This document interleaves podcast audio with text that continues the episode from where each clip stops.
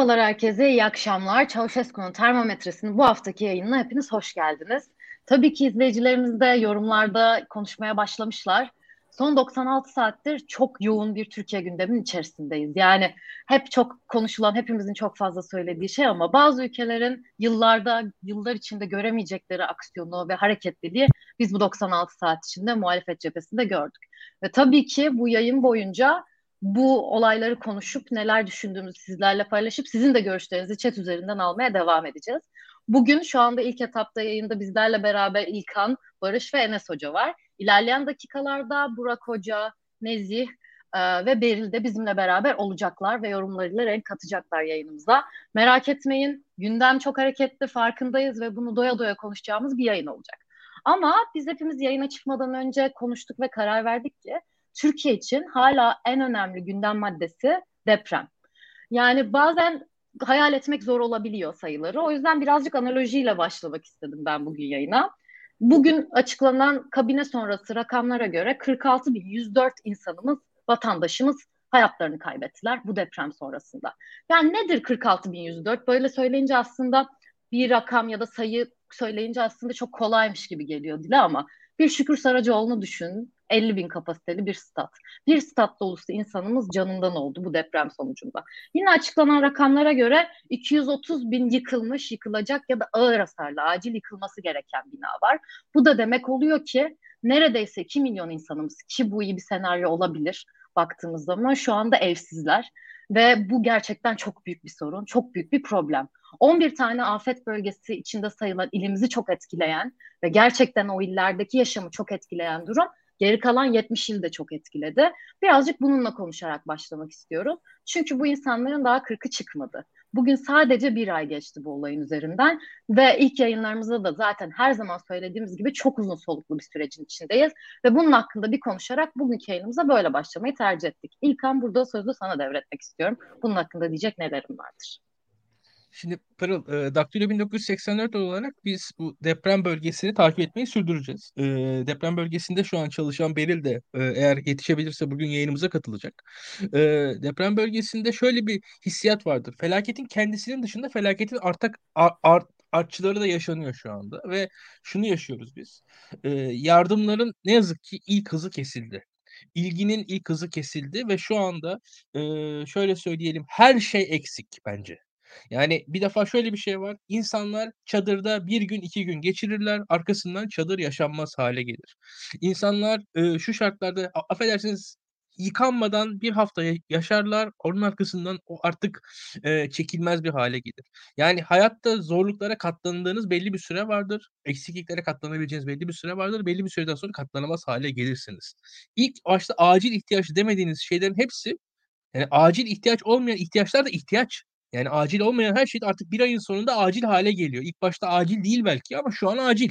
Ve şu an artık her şey acil hale gelmiş durumda deprem bölgesinde. Deprem bölgesinden aldığımız haberler işte bugün gazeteci Ruşen Takpay'ı paylaştım. Yani kadınlar yıkanamadıkları için saçlarını kesiyorlar. Bu en açıkçası yazılabilen şeyleri yazıyor insanlar. Deprem bölgesine giden gelenler artık bazı şeyleri yazılabilenler yazılıyor şu anda. O kadarını söyleyeyim insanlarda, insanlara. Yani e, bunu unutmamamız gerekiyor. E, açıkçası biz de e, hem işte sivil toplum örgütleri bağlamında hem giden gelen gazeteciler bağlamında deprem yöresinden yayınlar yapmaya devam edeceğiz. E, buranın unutulmaması gerekiyor. Kolay değil. E, ve sen çok güzel anlattın. Çünkü mesela depremin ilk anlarında gerçekten de yıkılmayan herhangi bir ev bizim için bir kurtuluş. Fakat bugün orta hasarlı bir bina demek ve açıkçası bir ailenin 1 milyon lira zarar etmesi demek.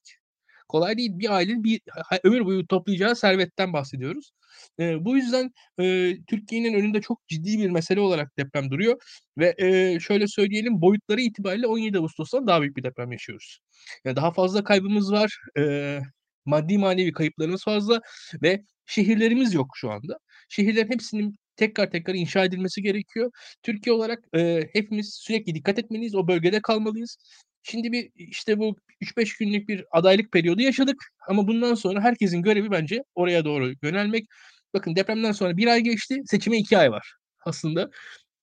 Tam onun ortasında kaldık. Eee, depremi unutarak, eee, hiçbir şeyden kurtulmayız. O sorunlar orada büyümeye devam edecek. Herkesin deprem bölgesinde bir yakını var. Olmadı bir yakınının yakını deprem bölgesinde. Öyle düşünelim, eee, ve bunu unutmayalım diyorum şimdilik. Aynen öyle yani. Tabii ki önümüzdeki 14 Mayıs'ta yapılacak olan seçim hepimiz için çok önemli ama bu ülke için de çok önemli olan öbür şeylerden biri de deprem. O yüzden zaten biraz önce tekrarlayayım.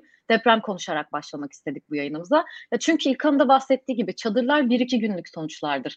Bir iki günlük kurtarıcılardır normalde ama gerçekten şu an binlerce insan çadır kentlerde yaşamak durumundalar hala. Konteyner şehirler kurulamadı. Ondan sonrasında orada hayatın devam etmesi için çok uzun soluklu bir çabaya girmemiz gerekiyor ve bunun için çalışmamız gerekiyor. Bu arada Nezi Onukur da bize katıldı. Hoş geldin Nezi. Öncelikli Hı. olarak bir depremden konuşup sonrasında son 96 saatimizi konuşmaya tekrar gideceğiz. Derken Enes Hocam siz bu konu hakkında ne söylemek istersiniz?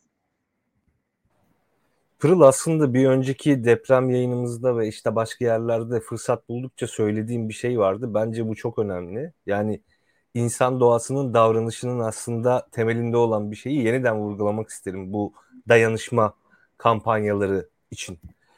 Yani dayanışmak gerçekten kolay bir şeydir.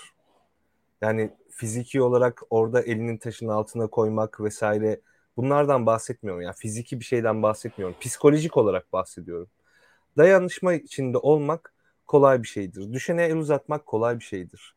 Ama bunu sürdürülebilir kılmak için bir plan dahilinde bunu yapmak, bunu sürdürülebilir kılmak için e, geleceği planlamak bir tavizler silsilesi, bir diyalog vesaire gerektirir. Onun için biz zaten şimdi bu sorunu yaşıyoruz ve daha önceki afetlerde de en büyük sorun zaten dayanışmanın sürdürülebilir kılınamaması olmuştu. Ki bu işin doğası gereği e, böyle ani olaylardaki ilk andaki tepkiler bir süre sonra mecburen sönümlenecek. Yani o olaydan doğrudan etkilenmiyorsanız maalesef bu böyle. Eğer hatta buna maalesef de demeyeyim. Eğer bu zaten böyle olmasaydı o zaman dünyada insaniyet devam etmezdi. Yani düşünün şu an dünyada yaşanan tek sorun Türkiye'deki deprem değil ki savaşlar oluyor, başka yerlerde de çocuklar ölüyor, şu bu. Biz ne kadar bunu kabul etmek istemesek de insan olmamızdan kaynaklı olarak e, biz maalesef kendimize daha yakın e, gördüğümüz acıları bir sıralamaya koyup aslında ona göre pozisyon alıyoruz. Bu her zaman böyle olmak zorunda değil. Bunu söylerken katı bir böyle evrimsel biyoloji şeyinden falan filan bahsetmiyorum. Ama nihayetinde elimizde olan gerçek bu. Biz o zaman ne yapmalıydık? Yani ne yapmalıyız aslında? Ee, yeniden geleceği inşa etmek için, geleceği güvenle inşa etmek için tekrar konuşmaya başlamalıyız. Yani bu yardımları sürdürülebilir kılmak için bir sonraki afette ki bunun olacağı muhakkak yani 3 yıl olur, 5 yıl olur, 50 yıl olur neyse ne. Ama önemli olan orada zor olan, psikolojik olarak insanları zorlayan, siyasi olarak insanları zorlayan şey daha güvenli bir gelecek inşa etmek. Bu güvenli geleceğin işi, içine güvenli binayı da sokabilirsiniz, güvenli sigorta sistemini de sokabilirsiniz, güvenli sağlık sistemini de sokabilirsiniz. Her şeyi sokabilirsiniz. Onun için bu dayanışma kampanyaları maalesef böyle oluyor. E, düşünün yani biz de dayanışma yayını yaptık. İşte çeşitli şeyler yaptık. işte yardımlar yaptık. Her birimiz hem bireysel olarak hem Daktilo 1984 olarak kurumsal olarak hala da bir şeyler yapıyoruz. Ama ilk günkü yaptığımız şeylerin belki onda birini yapıyoruz şu an. Bu çoğu kurum için ilk günkü yaptığı şeyin aslında şu an yüzde sıfırını yani onda sıfırını yapıyor demek anlamına geliyor. Aslında birçok kimse zaten gündemini değiştirdi. Maalesef Türkiye'nin siyasi gündemi de e, buna sebep oluyor ama sorun sadece o değil yani onu anlatmaya çalışıyorum. Bu insan olmaktan kaynaklı bir şey. E, o nedenle e, belki sürekli hatırlatmalıyız, aklımızda tutmalıyız. Mesela biz bunun için şey yapmaya karar verdik. O deprem yayında da konuşmuştuk. Tekrar hatırlatayım. Biz artık Daktilo 1984 olarak yaptığımız her işte bir deprem katmanı ekleyeceğiz işin kendisine konusuna ekleyebiliriz, hedef kitlesine ekleyebiliriz, yararlanıcılarına ekleyebiliriz. Ne olursa fark etmez. Ama depremi her zaman yakın bir risk olarak hatırlatmak için bence tüm kurumlar, buna sivil toplum kuruluşları, kamu kuruluşları, işte bileyim her şeyi katabilirsiniz. Yaptığı her işle ilgili, yaptığı her işte mutlaka depremle ilgili bir e, katman oluşturup o işin içine yedirmeli. Yani konuştuğumuz tüm konuları yatayda kesen bir şey bu. Yani insan hakları falan gibi. Yani insan hakları da mesela öyle. Yaptığımız her işi yatayda kesiyor. Orada bazı ilkeler var. E, işin niteliği ne olursa olsun insan hakları mutlaka gözetiyoruz. İşte deprem konusunu da öyle gözetmek zorundayız. Ee, yoksa bir türlü e, bu cendereden çıkamayacağız. Yani bir ara bir ay oraya yardımlar git sonra geri çekilecek. İşte o koordinasyonsuzluk koordinasyonsuzluk muhabbeti vardı ya ilk üç gündeki. İlk üç gündeki koordinasyonsuzluk aslında üç hafta sonraki koordinasyonsuzluğun bir gösterisi gibiydi, ön gösterimi gibiydi. Şu an biz e, uzun yıllar sürecek belki bir koordinasyonsuzlukla baş etmek zorundayız. Buna baş etmemek için de zaten Daktilo 1984 yayın yapıyor. Daktilo 1984 kuruldu. Biz burada konuşuyoruz. İşte o hep bunun altı şey e, geleceği birlikte güvenle inşa etmenin altını doldurmaya çalışıyoruz. Onun için burada yaptığımız hiçbir şey depremden e, ayrı değil. Deprem de burada yaptığımız hiçbir şeyden ayrı değil. Aslında hepsi birbirine mündem iç, iç içe geçmiş durumda. Yani evet dediğiniz gibi deprem bizim hiçbir zaman unutmamamız, hayatımızı dikeyde kesen ve her zaman konuşmamız, her zaman farkındalığı içinde olmamız ve hazırlanmamız gereken bir süreç. Bu konuda da aslında sözü şimdi Beril'e bırakmak istiyorum. Çünkü geçtiğimiz bir ay içinde Beril deprem bölgesine pek çok defa gitti ve gerçekten orada e, çok değerli gözlemleri de oldu. Ya bugün birinci ayını aslında sabah karşı saatlerinde birinci ayı dolmuş olacak ama şu anda gerçekten ne durumda yani deprem bölgesi? Şu an Türkiye'de konuşmamız gereken ve asla unutmamamız gereken bir konu ama sadece şu anlık değil, önümüzdeki uzun bir sürece böyle olduğunu düşünüyoruz. Bu konu hakkında senin de gözlemlerini ve yorumlarını dinlemek isteriz. Hoş geldin bu arada. Hoş bulduk. Ya ben biraz şey tükenmiş durumdayım ama elimden geldiğince anlatayım. Dağılabilirim birazcık. Orada beni toparlarsınız. E, Valla e, yani çok bir gelişme yok. E, ben ne zaman döndüm? Üç gün önce döndüm İstanbul'a. Hala çalışıyorum. O yüzden biraz da e, bitkin durumdayım. Yani hiç dinlenemedim. E, ilk gittiğimde biraz daha şeydi hani e, hep Hatay'daydım ben bu arada. Hep Hatay'da çalıştım. E, ilk gittiğimde Hatay'da kalıyorduk. E, yani onun da tabii ekstra bir şeyi oluyor, e, yıpratıcılığı oluyor ama işte bu gittiğimde hep yol yaptık. Yani Adana Hatay arası. E, dolayısıyla e, yani gerçekten e, hani çalışırken işte koordine etmek, işte oraya gitmek, gelmek, ona göre işte vücut temponuzu, iş temponuzu, her şeyi ayarlamak zor oluyor. E, ama yani üç gün öncesine kadar hala yani Hatay'da hala e, enkaz altında e, hani ceset bekleyen cesetleri olan onları almayı bekleyen insanlar vardı. Hani tamam önceki kadar çok olmasa da hala insanlar e, enkaz altından e, cesetleri almayı bekliyorlardı. E, telefonlar hala yer yer çekmiyor. Yolda çok ciddi sıkıntılar var. İşte bu Adana Hatay arası iki buçuk saatlik bir yol. Orada gerçekten telefon çekmiyor yani problem yaşanıyor. Bence deprem bölgelerinde genel olarak telefon çekmesiyle ilgili problem hala devam ediyor. Ee, onun dışında tabii daha e, katmerlenmiş sorunlar var. E, işte mesela e, ne bileyim e, bir örnek vereyim. Mesela engelli çocuğu olanlar var. Hani bir şekilde çocuklarını e, bölge hani e, güvenceye almışlar ama onların gerçekten günlük ihtiyaçları var. Oraya ulaştırılan yardımlar sayılı dağıtılıyor. İnsanlar köylerde kalıyor 30-40-50 kilometre şehir merkezinden uzakta. Araçlarını kaybetmişler. Şehre araba buluyorlar, geliyorlar işte çocuklarına bez alacaklar, ilaç alacaklar, sayıyla alıyorlar, gidiyorlar. Bu insanlar her gün 30-40-50 kilometre yol yapabilecek bir ne e, öyle bir maddi imkanları var. Hadi maddi imkanı olsa aracı yok vesairesi yok. Yani e, birçok şeyi kaybetmiş durumdalar. Dolayısıyla yardımların belki de köylere ulaştırılması gerekiyor. Düzenli bir şekilde ulaştırılması gerekiyor. E, böyle işte engelli çocuğu olanlar için daha işte uzun vadeli stok yapılacak şekilde ulaştırılması gerekiyor. Hala e, tuvalet sorunu var. E, sadece sıvıyla beslenen insanlar var e, tuvalete gitmemek için. E, psikolojik durum çok kötü ve e, yani dediğim gibi hani e, şeyleri duydum bir arkadaşımdan. Hani iyi niyetli bir şekilde hani online işte e, terapi yapalım destek verelim falan filan. Öyle bir şey mümkün değil. Yani sahaya gidilmesi gerekiyor. Bence sahadaki en önemli eksiklik böyle becerikli olan kim nerede neye ihtiyacı var bunu belirleyip onları oraya yönlendirecek insanlar. Yani yardım var, e, yardıma ihtiyacı olan insan var yer yer.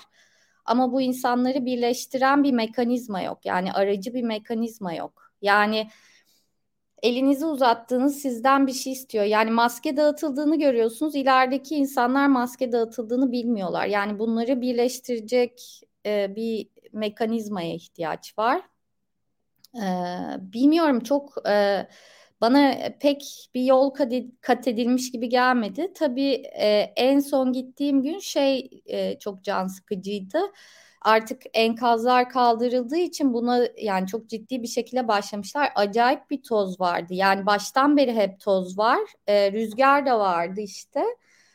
E, yani öyle bir toz ki e, yani N95 işte maskelerle e, hani geziyoruz ne olur ne olmaz diye. Tamam insanlarla konuşurken çıkarıyoruz şey yapıyoruz ama hani normalde kendimizi korumaya çalışıyoruz. O maskeden bile tozu yuttuğunuzu hissedebiliyorsunuz. Acayip bir toz yani. E, e, dolayısıyla o tozla birlikte hijyen sorunu katlanıyor, sağlık sorunu katlanıyor, uzun vadeli sağlık sorunu ve çevre kirliliği sorunu var. E, bilmiyorum yani orada kalan bir şeyler yapmaya çalışan insanlar var e, ve o insanların gerçekten işleri zor. Nasıl olacak öngöremiyorum. E, bilmiyorum. Sizin başka sorunuz varsa belki soru soru şey yaparız. Yani aslında sen çok da bizim burada demeye çalıştıklarımızı özetledin. Üstünden bir ay geçmiş olsa da hala koordinasyon yok. Hala hmm. yapılması gereken çok fazla eksik var ve hala temel düzeydeki eksikleri oradaki orada yaşamaya çalışan insanların temel ihtiyaçları su, tuvalet, temiz nefes alma gibi çok temel böyle hani defakto var olduğunu saydığımız ihtiyaçları yok ve bunun için gerçekten çok uzun düzeyde çok dayanışmalı giderek bir şekilde yardımla oraya müdahale etmemiz gerekiyor ya da dayanışmayı sürdürmemiz gerekiyor gibi bir şey yapmıştık. Sen gelmeden de biraz konuştuk. Belli sormak istediğiniz soru varsa onu çok kısa alalım yoksa hafiften toparlayalım. Çünkü izleyicilerimiz şu anda yorumlarda da bugünkü hızlı gündeme bir an önce geçmemizi bekliyorlar. Enes Hocam siz çok bir şey soracak gibisiniz ama. Ha, yok, yok bir şey sormayacaktım ya. Ee, sağ ol Beril. Yani sen de hakikaten bize sürekli oradan haber verdin. Ee, yani sanki bizim de bir muhabirimizmiş gibi böyle şey yapmadığımız, e, destek olmadığımız ama sağ olasın yani hakikaten teşekkür ederiz. Ee, belki şey yapılabilir ya bu arada. Yani şöyle bir çağrı yapılabilir en azından. Şimdi Beril'in anlattıklarından da yola çıkarak artık hani e, belli ki şey gidiyor. Yani işte seçimde artık bir yola girildi. Oradan gidilecek. işte bir şeyler netleşti falan e, bir bizim biz nasıl deprem çalışma grubu kurup işte orada çalışmalar yapmaya başladıysak bu Millet İttifakı da öyle bir çalışma grubu kurup hani bölgeden hiç ayrılmayacak şekilde oradaki koordinasyonu e, en azından muhalif belediyeler nezdindeki koordinasyonu biraz daha aktif yürütebilecek şekilde bir grup oluşturabilir. E, yoksa hani o ilk ilk üç günde yaşadığımız koordinasyonsuzluğun dediğim gibi daha ağırını belli ki yaşıyoruz ve yaşayacağız yani maalesef.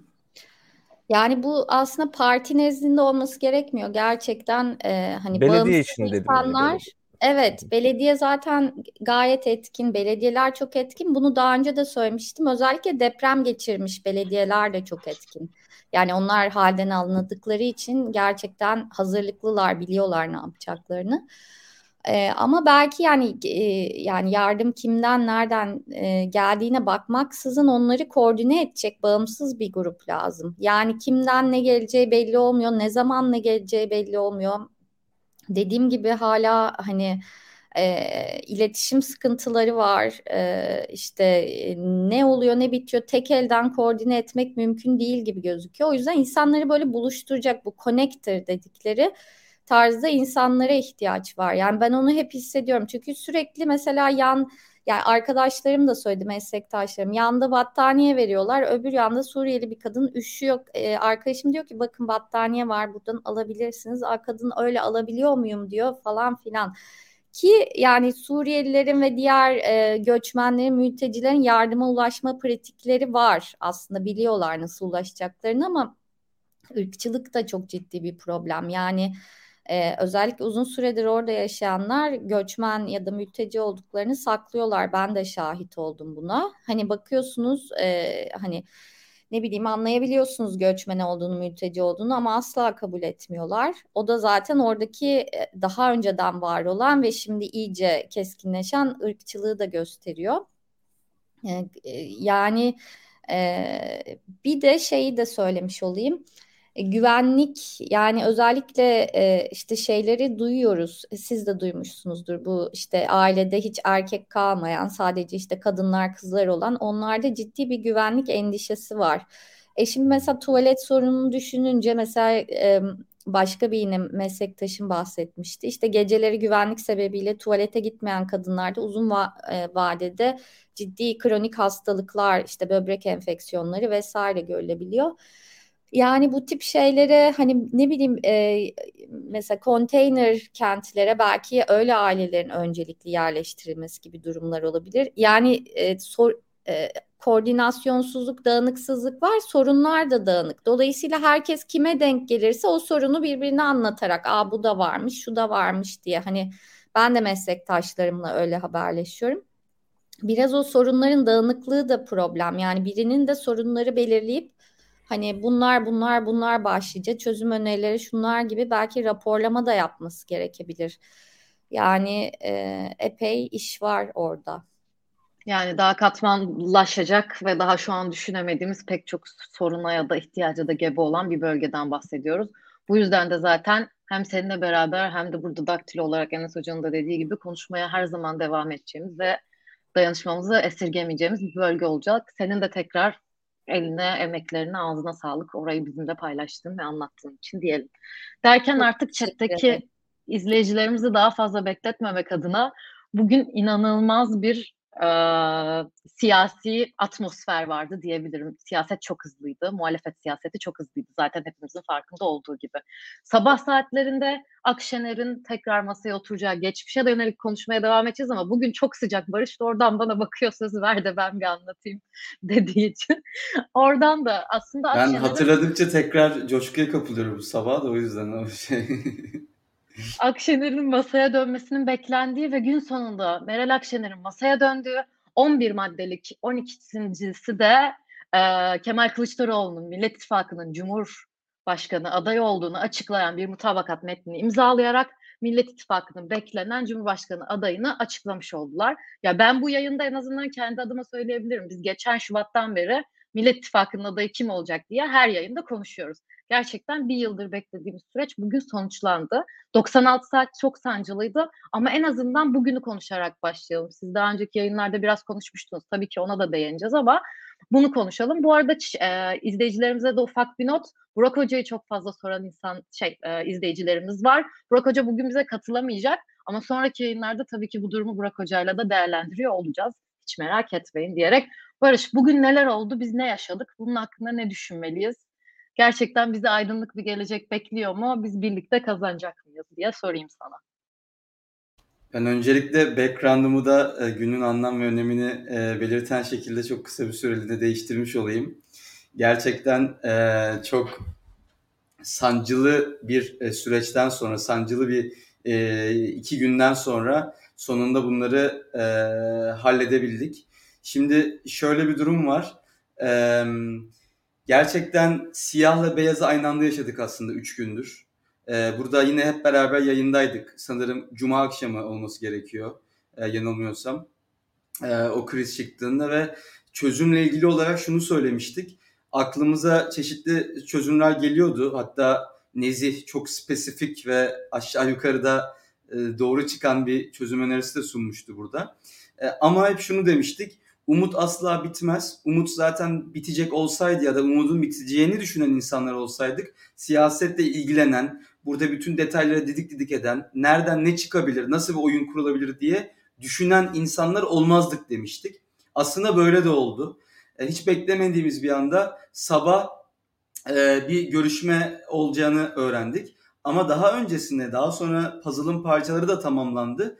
Dün akşamdan itibaren aslında e, özellikle Ahmet Davutoğlu'nun yaptığı bir aracılıkla bizim e, bu modelin yani bugün açıklanan ve iki tane e, Büyükşehir Belediye Başkanı'nın başkan yardımcısı olacağı modelin e, konuşulmaya başladığını öğrendik, duyduk ve devamında sabah aslında bunu biraz daha e, artık adını koymak için e, iki tane e, belediye başkanı gitti İyi Parti'ye ve devamında liderler anlaştı. Şimdi tabii en e, açıklama geldikten sonra e, açıklanan metinde en önemli ayak neden e, Ekrem İmamoğlu ve Mansur Yavaş'ın isminin orada hani yardımcı olarak açıklanan kişiler içinde olmadığıydı.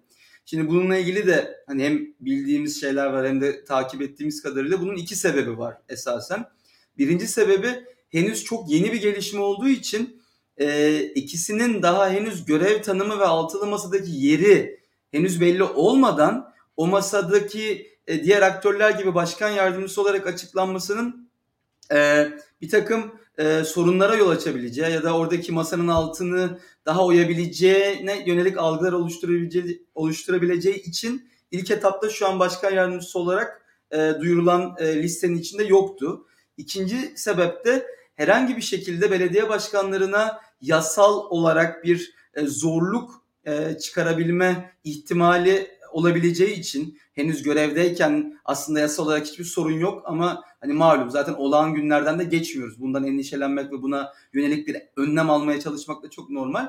E, bu biraz seçim sonrasına kaldı ama dikkatinizi çekerim metinde e, herhangi bir şekilde bir ihtimalden bahsedilmiyor. Hani atayabilir, atama hakkı vardır, atama etkisi verilmiştir diye. Bu arada Barış çok çok kısa bölüyorum seni Lütfen, normalde lütfen, yapmam lütfen. ama şu anda CHP Genel Merkezi'nde Kemal Kılıçdaroğlu konuşma yapıyor ve belediye başkanlarını Ekrem İmamoğlu ve Mansur Yavaş'ı Cumhurbaşkanı yardımcılarım diye anons ederek arkasında kadar. beraber sahneye aldı. Süper. Süper. Yani dediğim gibi onun e, yasal ataması seçimden sonra olabilir. Zaten mecburen öyle olacak ama e, öyle bir durum ama gördüğümüz üzere ben de şu an takip edemiyorum yayında olduğu için ama çok sevindim. Hani o konuda kimsenin endişesi olmasın diye o kısmı da şey yaptım. Zaten benim açıklamama gerek kalmadan Kemal Kılıçdaroğlu gerekli e, şey yapmış yani gerekli gösteri yapmış. E, yani bu açıdan da çok güzel bir şey oldu. Tabii şöyle bir durum var. Biraz aslında şu, bu süreçte şunu gördük. Biz sürekli ne diyorduk? Sistemler, modeller, işte herkesin kendini güvende hissedeceği bir mekanizma gibi şeyler tartışıyorduk altılı masa bünyesinde. Ama günün sonunda belki şunu da söylemek gerekiyor. Hala toplumumuz biraz bu güvenceleri mekanizmalar üzerinden değil de sanki kişiler üzerinden sahip olmayı daha çok seviyor. Ee, günün sonunda bu çözümü e, ulaştıran şey işte bir yandan Mansur Yavaş'ın temsil ettiği bir e, şey var. O bu sürece dahil oldu. Bir yandan Ekrem İmamoğlu'nun temsil ettiği bir şey var. Ekrem İmamoğlu dahil oldu ve böylece taraflar kendini sürece dahil hissetti. Ama baktığınızda Ocak ayında imzalanan metin aslında son derece zaten bütün tarafların e, aslında kendini güvence altında hissetmesine vesile olacak kadar güzel bir metindi. Ama bunlar küçük sorunlar. Daha da güzel bir mesele var. Hatta ben tam yayına girmeden önce gördüm. E, HDP de hani son derece e, yapıcı bir dil kullanmış bu süreçle ilgili. Tabii onların aday çıkarıp çıkarmayacağı da bir tartışma konusuydu. Çünkü biz daha önceden biliyoruz ki Mansur Yavaş'ın aday yapıldığı senaryoda aday çıkaracaklarını çok net bir şekilde söylemişlerdi. Şimdi Mansur Yavaş'ın Cumhurbaşkanı yardımcısı olduğu senaryoda nasıl bir tavır alacaklarını bilmiyorduk. Ama onlar da son derece görüşmeye açık ve son derece e, yani orta yolu bulmaya bir e, bu sürece bir tırnak içinde bozgunculuk yapma ma- niyetlerini ortaya koymuş oldular. Şimdi biz bu seçimde ne göreceğiz? E, tabii İlkan ve Nezih de bunu daha iyi değerlendirir. Biz aslında bölgeleri, kitleleri, ili bu Cumhurbaşkanı e, yardımcılarının bir anlamda bölüştüğünü göreceğiz. E, insanlar adeta ne diyelim görmek istedikleri profillerle e, muhatap olacaklar. Görmek istedikleri profiller coğrafyaları, bölgeleri bölüşecek. E, gerçekten bunun sahada çok olumlu sebepleri olacağını düşünüyorum. Gerçekten de bazen bu arada hani gerçekten çok mutluyum çünkü e, çok e, böyle çok dengesiz iki gün geçirdik yani üzüldük, sevindik ettik.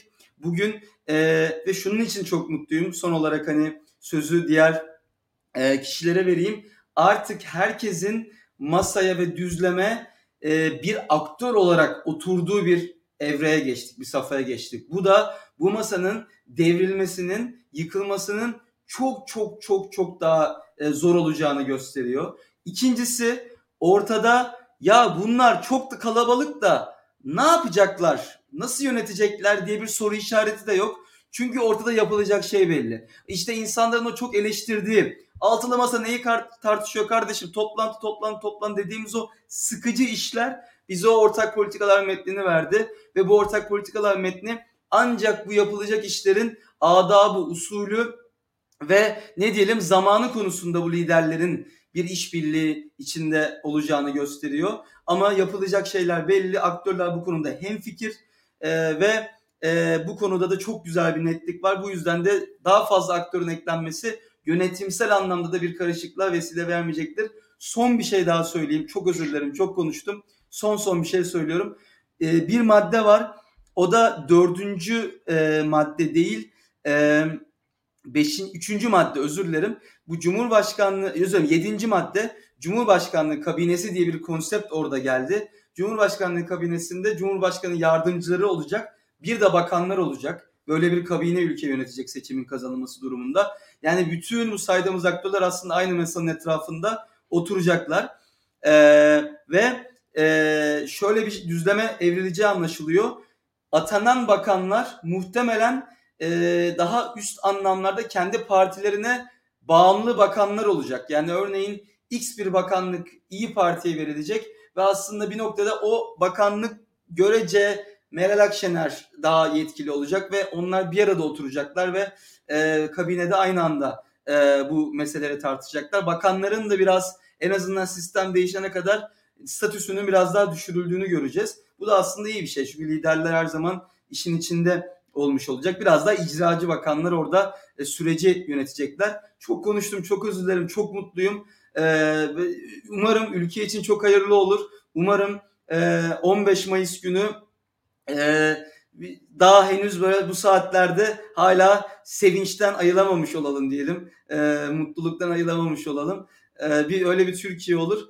E, hepimize hayırlı olsun tekrar Kılıçdaroğlu'nun Cumhurbaşkanı adaylığı. Ağzına sağlık. Evet, umarım gerçekten birleşe birleşe kazandığımız sonucunda 14 Mayıs akşamında bizi zafere götüren bir yola gitmişizdir. Yani geçtiğimiz 4 gün içinde gerçekten hani bu yılların vermiş olduğu birikmişlikle özellikle Twitter yankı odasında da bizim çokça gördüğümüz çok gerildik. Yani çok fazla birbirimize liderler de yaptı bunu. Aslında biz sade vatandaşlar olarak da o millet hakkını sordukları millet olarak da yaptık. Sinirlendik, sinirimizi dışarıya vurduk. Ne olacak dedik, yine mi olmayacak dedik ama ne oldu? Oldu, bitti 6 Mart akşamı tekrar bir şeyler toparlandı. Belki de Kemal Kılıçdaroğlu'nun dediği gibi taşlar yerine oturdu. Şu anda şu gerçeği kabul etmemiz gerekiyor. Ön, Millet İttifakı'nın önünde kazanması gereken bir seçim var. Bu seçimi kazanmak için de sanıyorum ki benim kişisel görüşümdür. Hepinizinkini yansıtmaz ama Twitter yan kodalarını okuyarak ya da Twitter yan kodalarına cevap vermeye çalışarak yapılacak bir şey değil. Herkesin sahaya inmesi gereken gerçekten önümüzdeki süreçte sahanın aktif olacağı bir seçimi göreceğiz sanırım diyorum. Nezih sen bu konuda neler söylemek istersin? Çok zor dört gün atlattık. Gerçekten belki de yıprandık ama sonucunda sevinç gözyaşları içinde bir timeline'ın içerisindeyim ben iki saattir diyebilirim. Sen ne düşünüyorsun? Yani gerçekten e, Meral Akşener ve Kemal Kılıçdaroğlu aslında e, uyguladığı taktiklerle 180 kilometre giren, giden iki araç gibiydiler. Birbirlerinin direk, direksiyon kırmasını beklediler. Kırmadılar, çarpıştı. Ama e, Allah'tan şey bizim e, yedek servisçiler, oto tamircileri bu işi düzeltmeyi başardılar. Yani elimizde Millet İttifakı gibi e, kurumsal mekanizması oturmuş bir yapı var ve Ekrem İmamoğlu, Mansur Yavaş ve partilerin kurmayları bu sorunu çözmeye çalıştılar. Yani herkes kendince bir şeyler yapmaya çalıştı. Bir dakika. Ha, tamam. Bir ses geldi de yandan. Nezih. Neredesin Nezih? Şeyin CHP'nin önünde misin? Saat CHP, CHP İstanbul. CHP İstanbul'a yakın bir yerdeyim de. ee, yani sonuç olarak e, Kemal Kılıçdaroğlu'nun bu saatten sonra adaylıktan vazgeçmeyeceği zaten açıktı. Ee, Kemal Kılıçdaroğlu ana muhalefet genel başkanı olarak da sonuçta e, bu hakka sahipti. Ee, Kemal Kılıçdaroğlu'nun daha yüksek oy oranlarını taşıyacak model de e, hem ortak liste stratejisi altılı masanın dağılmaması e, hem de İmamoğlu ve Mansur Yavaş'ın e, popülaritesinin Kemal Kılıçdaroğlu'nun etrafında e, bir şekilde konsolide edilebilmesiydi. E, ve yani aklın yolu bir bir şekilde Ekrem İmamoğlu ve Mansur Yavaş zaten e, yani iki parti arasında diplomasi görevini de üstlendiler ve herkesi de sevince boğacak şekilde e, bizim de geçen yayında bahsettiğimiz tıkıt model yani e, bu güçlü başkan yardımcılığı e, modeli duyuruldu gün içinde. Bu biraz daha evrildi. Şimdi tam detaylarını bilmiyoruz. Çünkü tüm genel başkanları da Cumhurbaşkanı yardımcısı olarak ilan edildi ve Ekrem İmamoğlu ile Mansur Yavaş'ın da Cumhurbaşkanı yardımcısı olarak atanacağı belirtildi ama yani belli bir tarihte atanacağı belirtilse de sonuçta e, Kemal Kılıçdaroğlu CHP önündeki konuşmada İmamoğlu ve Yavaş'ı yardımcı olarak tanıttı e, ve seçmenin yüzünü güldürmüş oldu böylece. E, ben muhalefetin tekrar bir araya gelmesine ötürü çok memnunum. İmamoğlu ve Yavaş'ın da e, seçmen nezdinde yetkili ve e, icracı olarak görevlendirilmiş şekilde e, yardımcı olacaklarının ilan edilmesi de bence çok önemli. Çünkü Türkiye siyaseti aslında hem e, birleştiricilik arıyor, onu Kemal Kılıçdaroğlu taşıyor. E, yani farklı aktörler arasında e, diyalog kurabilme, onlara e, yani yetki verebilme, onlar arasında koordinasyon sağlayabilme özellikleri takım yöneticiliği Kemal Kılıçdaroğlu'nda var. Bir yandan da yenilik arıyor. O İmamoğlu'nda var. Diğer yandan da güven arıyor. Biraz daha hani pandemide de üstlendiği o e, şefkatli baba devlet baba e, figürünün popülaritesini hala sürdüren Mansur Yavaş ve İmamoğlu ve Kılıçdaroğlu üçlüsü bence seçmenin aradığı bu üç e, farklı arayışa cevap sunacak bir model. Umarım e, muhalefet e, artık tüm sıkıntılarını aşmıştır. Yani o kadar büyük bir çatışma yaşadık ki bence burada her şey dökülmediyse artık bilemiyorum. Yani buradan bu, bu tartışmada artık tüm e, sorunların, e, sıkıntıların yani dışarıya taşmış olması ve yeni bir sayfa açılmış olması lazım diye düşünüyorum. Ben muhalefet adına umutluyum. E, bu krizden çıkabildiysek hele ki çok kısa bir zamanda çıkabildik. Yani e, şunu hatırlatmak gerekir. Böyle krizlerde en az bir hafta sürebilirdi mesela bu kriz ve bence bir hafta bile aslında kısa bir süre. Biz yani İmamoğlu ifade etmişti ya işte cuma var, cumartesi var, pazar var. Gerçekten pazartesi günü e, bu meseleyi çözmüş oldular. Bu çok değerli bence. Burada emeği geçen tüm aktörlere teşekkür etmek gerekiyor. E, Burak Bilgehan hocam da belki eşlik eder. O da epey bir mesai harcadı bu konuda. İyi Parti'nin e, masaya bir şekilde geri dönmesi ve e, yapıcı bir rol oynaması konusunda onu da hatırlatayım. Yani hepimiz yani barış olsun yani farklı işte siyasal bağlantıları olan siyasi üyelikleri olan hepimiz bir şekilde haftanın yani geçtiğimiz hafta sonu bir 10 saatini telefonda geçirdik herhalde. Yani öyle bir hafta sonu yaşadık. Ee, sonuçta mutluyuz. Ee, umarım e, yani depremin de yaralarını saracak bir kampanyayla e, bu kez kazanırız, kazanabiliriz diye e, 2019 modelini 2023'e taşıyabiliriz diye çok umutluyum açıkçası. E, burada da yani üç farklı aktörün üç farklı rol oynayabileceğini hesaba katmak gerekiyor kampanyada ve diğer parti başkanlarının da burada değerli roller e, sunabileceğini hatırlatmak gerekiyor. Sonuçta hepsinin ayrı ayrı özellikleri var. Mesela Ali Babacan uluslararası alanda tanınıyor. Meral Akşener'in seçmenle teması önemli. Demokrat Parti bir geleneği yansıtıyor. Saadet Partisi keza öyle. Ahmet Davutoğlu tecrübeli bir e, siyaset adamı ve örgütçü.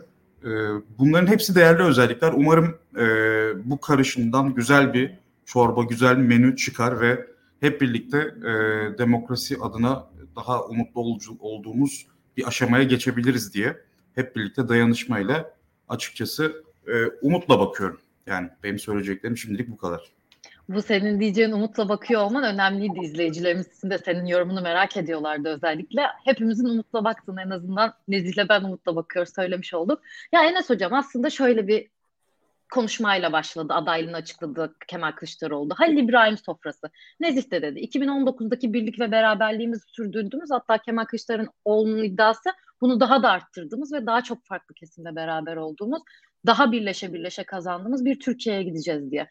En azından ben kendi gözlemlerimden söyleyebilirim. Hani çok kızdık dört gün içinde. Muhalifler bile kendi aranızda anlaşamıyorsunuz. Yıllardır herkesin söylediği bir şeydi. Ama en sonunda gerçekten daha adil, daha eşitlikçi, daha adaletli bir Türkiye için belli düzlemlerde anlaştığımızı gösterdik. Ben de bu yüzden herkes gibi mutluyum. Siz ne düşünürsünüz bu konu hakkında?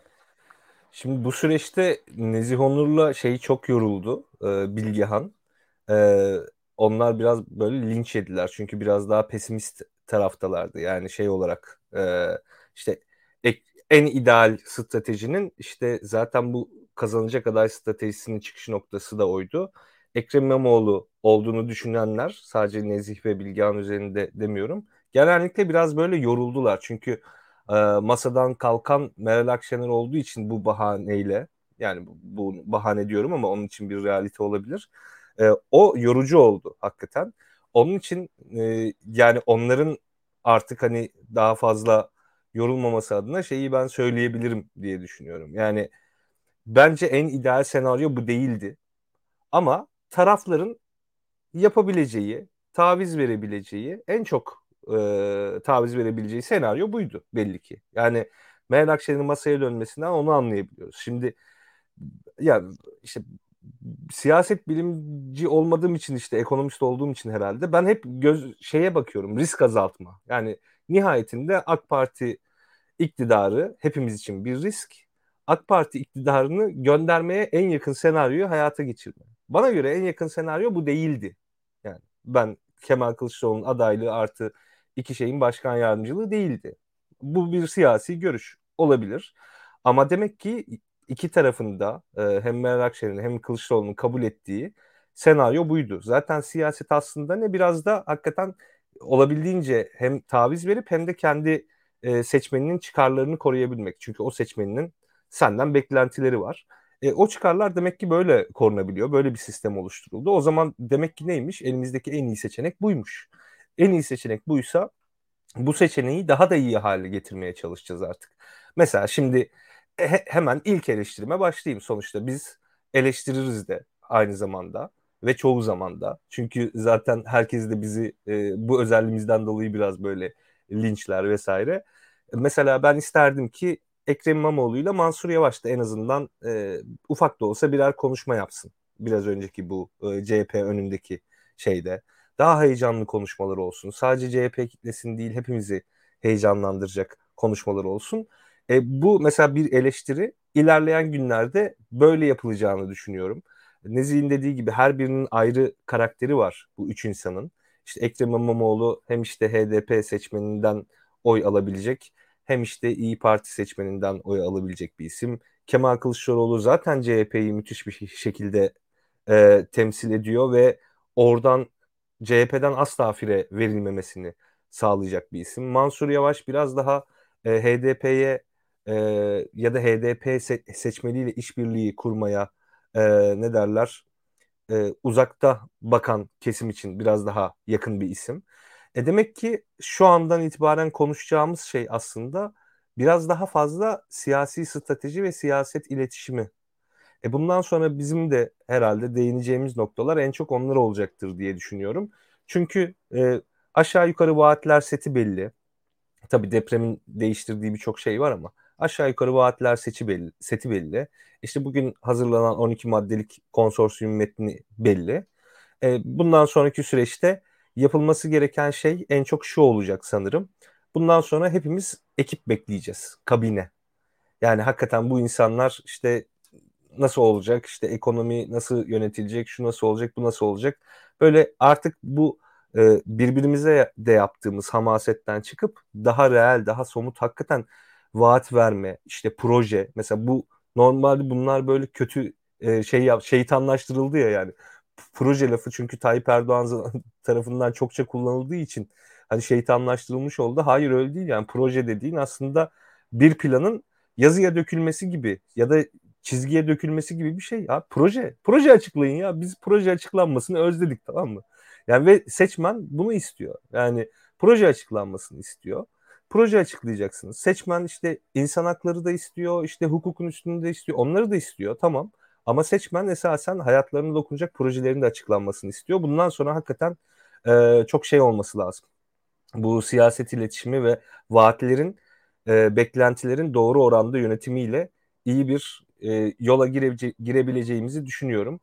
Son da söylediğimi başta söyleyeyim. Bir daha da bu eleştiriyi yapmamak üzere tek bir seferde yapıyorum. Benim için en iyi senaryo bu değildi. Ama siyaset partilerle yapılır. partilerin verebileceği tavizler demek ki bu kadarmış. O zaman benim için en iyi seçeneği değil, ortadaki en iyi seçeneğe yönelmemiz lazım. Ortadaki en iyi seçeneğin güçlenmesi için elimizden geleni yapmaya, elimden geleni yapmaya e, devam edeceğim. En azından e, kendi alanım doğrultusunda. Yani evet şurada siyasal iletişimden bahsettiniz. İlkan sana da onunla yönelik bir soru sormak istiyorum. Siyasal iletişim tabii ki çok önemli ama şu geçtiğimiz dört gün şunu gösterdi ki gerçekten 20 yıldır içinde olduğumuz rejim dolayısıyla parmak sallanan, bağıran, birbirini ithamla suçlayan cümlelerden gerçekten çok sıkılmış herkes. Yani bunu bence açıklıkla söyleyebiliriz. O yüzden daha birleştirici. Şimdi mesela biraz önce yayında verdiğimiz konuşmada da Cumhurbaşkanı adayı hepinizsiniz, sizlersiniz diye daha birleştirici, daha yapıcı bir konuşmayla şu an herkes mesela benim WhatsApp'ım şu anda tipik beyaz yakalı kitle olarak çalkalanıyor. Daha birleştirici, daha sakin, daha insanları kapsayan, kabulleyen, birbirine kızan değil, daha sorun çözmeye yönelik bir siyaset arayışında aslında insanlar diye yorumlayabiliriz sanırım. Sence bu içinde olduğumuz senaryoda bunu başarabilecek miyiz? Bunu insanlara anlatabilecek miyiz? Projeleri yapmak olsun ya da bu projeleri yaptık, proje çalışmalarını yaptık ama bunu anlatmak için neler yapmak gerekiyor? Birazcık da ikna için neler yapmak gerekiyor sence? Şimdi e, Pırıl bu e, son dört günde yaşananlara baktığımız zaman şunu görüyoruz. Bir defa dört gün önceki yayında, Cuma günkü yayında şunu demiştim. Ben Türkiye'deki halkına, Türk milletine güveniyorum. Başka hiç kimseye güvenmiyorum. Türkiye'de şundan dolayı bu halkın bir demokrasi tecrübesi var. Açıkçası o halkın demokrasi tecrübesi bugün e, bence tüm siyasal sınıfların bileklerini büktü. Hani herkes diyor ya perde arkasında ne oldu falan. Yani açıkçası orada hissedilen şey buydu. Yani burada e, Enes'in dediğini ben daha farklı şekilde ifade edeyim. Eee, uzlaşmamanın getireceği sıkıntılar, uzlaşmanın getireceği sıkıntıları çok çok çok aştığı için insanlar uzlaşmak zorunda kaldılar. Yani bir de böyle bir şey var. Şimdi buradaki işin gerçekliği bu. Yani artık öyle bir millet baskısı var ki bu insanların üzerinde uzlaşmak zorundasınız. Yani burada açıkçası diyelim ki işte benle Barış arasındaki meseleler o kadar tali hale kaldı ki mesela Daktilo çok da büyük Türkiye olsun mesela. Biz artık uzlaşmak zorundayız. Yani onun gibi bir şey. Ya böyle bir uzlaşmamak gibi bir tercihi yok kimsenin. Eee, burada gerçekten de şu gözüktü. Türkiye'deki bizim milletimiz eee, bu eee, sen ben kavgasının eee, işte açıkçası basit ideolojik ayrışmaların çok ötesinde bir eee, farkındalık, bilinç seviyesinde bence. Hatta yani Türkiye'ye benzer durumdaki ülkelerde eee, muhalefetin çok daha net dağıldığını gördük. Bugün muhalefet Türkiye'ye dağılmamışsa millet sayesinde dağılmamıştır. Başka bir sebep yoktur. Bir defa bunu söyleyeyim. Ya burada da devam edeyim. Dediğin şey çok doğru. Muhalefeti bundan sonra da seçim zaferine yine millet götürecektir. Eee, toplumun bir şekilde motive olması, senin dediğin gibi milletin bir şekilde en önde olması sağlanması gerekiyor. Ve burada bu çoklu aday, eee, pardon, çoklu başkan yardımcılığı metodu, eee, aslında biraz buna uygun. Eee, ve gerçekten de toplumun taşıyıcısı olacağı bir kampanya sağlanabilir, eee, diye düşünüyorum ben. Özellikle Eee, işin, eee, ben siyasal iletişimdense daha ziyade halka, doğrudan temasa, daha ziyade, işte, mitingdir, sokak, eee, işte, etkinlikleridir vs. halkla doğrudan temas eden bir etkinlikler silsilesine ihtiyaç duyacağını düşünüyorum muhalefetin. Vaatler konusunda, projeler konusunda da şunu eklemek lazım. Gerçekten de artık muhalefetin bazı şeyleri de vaat etmesi gerekiyor. Yani ben şunları yaparım, şunları şu saatte yapacağım birazcık daha ciddi bir şekilde ve inandırıcı vaatlerle halkın önüne gitmesi gerekiyor. Çünkü şöyle bir durum var. Gerçekten de Türkiye'nin e, yapılacak çok işi var. Yani e, 1 milyon binaya belki de 1 milyon konuta bence ihtiyacımız var en azından deprem bölgesinde. Yani İstanbul'da yine 1 milyon tane de İstanbul'da ihtiyacımız var aslında. Yeni konuta. Yani İstanbul'da da bir 1 milyon konuta ihtiyacımız var. Yani bakıldığı zaman sadece iki yerde 2 milyon konuda ihtiyacı var Türkiye'nin. Mesela çok kısa sürede yapması gereken. Ya totalde Kolay şu değil. seni bölüyorum. Bugün Erdoğan şey söyledi. Türkiye genelinde 2 milyon konutun yeniden yapılması gerekiyor yani. Mesela en basitinden sadece yıkılması gereken 2 milyon var. Doğru. Yani ben Erdoğan'ı duymadan kafadan hesaplamıştım. Yakın bir şey. Yani hakikaten ona doğru gidiyoruz gerçekten de. Eee, ve bunun dışında da yapmamız gereken yine ciddi ulaşım projeleri var Türkiye'de. Yani bakarsanız İzmir'de Ankara arasında demiryolundan tutun, eee, işte Antalya'ya demiryolu yok Türkiye'nin yani baktığınız zaman. Çok daha basit şeyler. Türkiye'nin çok eksikleri var aslında. Yapması gereken çok şeyi var. Fakirlik, eee, çok yüksek boyutlara varmış durumda. Kent yoksulluğu çok ciddi boyutlarda. İnsanlar üniversitelerden ayrılıyorlar. İnsanlar akademiyle gelecekler arasındaki ilişkiyi artık eskisi gibi kurulamıyor. Türkiye'nin çok eksikleri var. Bunların hepsinin çözülmesi gerekiyor ve şöyle söyleyelim, eee, yani bu seçimi muhalefet kaybederse ciddi bir beyin göçü bekliyorum ben. Ne yazık ki böyle bir tehlike var. Türk muhalefetin önündeki en büyük yapması gereken şey potansiyel beyin göçünü durdurmak ve hatta geriye çevirmek. Bunu ancak muhalefet iktidar yapabilir ve bu, eee, şöyle söyleyeyim, yani deprem oldu gördünüz. Her şey hani mal mülk şu an konuşuyoruz eksikler falan da bir şehri şehir yapan şey insan. Yani Türkiye'yi de Türkiye yapan insanlarımız. Muhalefeti muhalefet yapan da muhalif insanlarımız. İnsanlar giderse geriye ne kalacak zaten? Yani bizim doğal kaynaklarımızın hiçbir anlamı kalmayacak. Coğrafya önemimizin hiçbir anlamı kalmayacak. İnsanlar gittikten sonra ben ne yapayım öyle ülkeyi? Yani en başta da insanlarımıza sahip çıkmamız gerekiyor diye, diye düşünüyorum. E, muhalefetin bir yapması gereken şey de bu bence. E, ve yani kampanyada da dediğin gibi halkın öne çıkması gerekiyor. Halkın dediklerinin öne çıkması gerekiyor.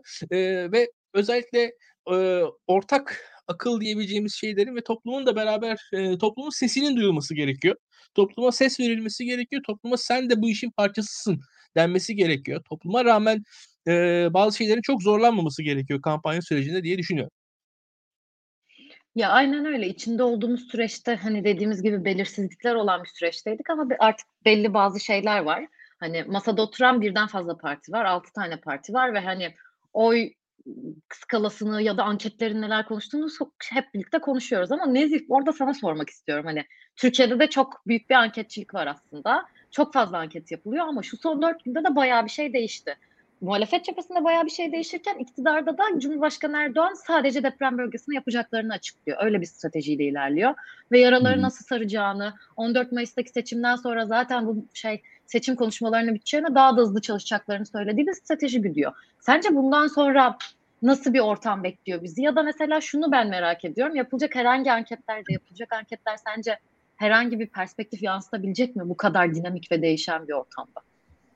Ee, yani Nezih başlamadan ben bir soru ekleyeyim Pırıl'ınkine. Yani şey şey ekleyeyim, e, ek yapayım. E, Akşener kaybeden mi oldu? Yani temelde böyle bir şey söyleyebilir miyiz? Yani sen o soruyu cevapladıktan sonra hakikaten bu şeyi bir açıklayabilir misin? Çünkü onu soruyor arkadaşlar. Hani Hı-hı. Akşener e, aslında boyun eğdi, şu oldu, bu oldu, kaybeden oldu vesaire falan filan diyorlar. Ben buna bir uzlaşma gibi bakma taraftarıyım ama yani gerçekten sonuçta anketlerde de Akşener'le yine bir gerileme olacaksa nihayetinde kaybeden oldu da denebilir kısmen. O onu da bir cevaplayabilir misin aslında? Onu da merak ediyorum ben. Tabii. Önce birkaç açıklama yapmak istiyorum sorulardan bağımsız. Şimdi e, metni Burak Bilgehan Özpek yazdı mı şeklinde sorular geliyor. Yazmadığını söyleyelim. E, yok yani, tabii ki canım. Öyle bir şey yok. Yani onu belirtelim. Çünkü bu çok yayılan bir şaya ve suçlandı da Burak Bilgehan Özbek bu konuda. Ee, bu metin yani Burak Bilgehan Özbek'in kalebinden çıkacak bir metin değil açıkçası. Onu belirtelim. İkincisi ben İyi Parti'ye çalışmıyorum. Ben team araştırmada normal maaş sıradan bir çalışanım. Ee, bizi ne CHP'liler seviyor ne İyi Partililer. Herkes bizi eleştiriyor çünkü biz işimizi yapmaya çalışıyoruz. Mesela İyi Partiler diyor ki siz bizde sizin e, bizim oylarımız sizde sistematik olarak düşük çıkıyor. Yani Mesela bizde 11-12 çıkıyor. Çünkü biz Taşra'ya gidiyoruz. Taşra'ya gittiğimizde İyi Parti görece biraz daha zayıf. Taşra'da çünkü sağ parti olarak MHP AK Parti daha güçlü. E, yüz yüze yapılmayan anketler, telefonla yapılan anketler ki Türkiye pandemide e, Türkiye'deki anket şirketlerinin çoğu yüz yüzeye geçti ve genelde kent merkezlerinden kişileri arıyorlar. E, kent merkezlerinin İyi Parti biraz daha güçlü ve farklı bir ağırlıklandırma e, metodu izliyorlar ve İyi Parti çok daha yüksek çıkıyor bu anket şirketlerinde. Yani seçimde göreceğiz işte hangi tarafın metodu daha başarılı onu artık seçim gösterecek. E, İyi Parti'ye falan çalıştım yok bir danışmanlığım yok bunları da e, eklemiş olayım. E, şimdi muhalefet için önemli bir kırılma noktası bu sonuçta artık aday belli bu saatten sonra adaylık tartışması kapanmış vaziyette. Ee, yani İyi Parti de aday çıkarmayacak zaten. İyi Parti imzasını attı ve Kemal Kılıçdaroğlu'nun oylarının e, yükselebileceğini söylüyordu. Daha e, CHP'ye yakın e, yorumcular, araştırmacılar. Yani ben de bu hipoteze açıkçası yakınım çünkü e, muhalefet partilerine oy verip de e, Kemal Kılıçdaroğlu'na yönelik kararsız e, tercihte bulunanların e, yani işte işler ciddileştikçe biraz daha Kemal Kılıçdaroğlu'na yakın pozisyon alabileceğini düşünüyorum. Fakat bu çok büyük bir e, seçmen grubu değil. E, dolayısıyla daha büyük seçmen gruplarına ulaşmak için Tayyip Erdoğan'la yarıştığını muhalefetin hatırlaması gerekiyor. Acilen acilen bu e, muhalefet içi elit e, oyunlarından uzaklaşıp ülke gündemiyle hemhal olması lazım. İlkan hep söyler muhalefet partileri şu an 11 ilde kamp kurmalı. Gerekirse çadırda yatmalı.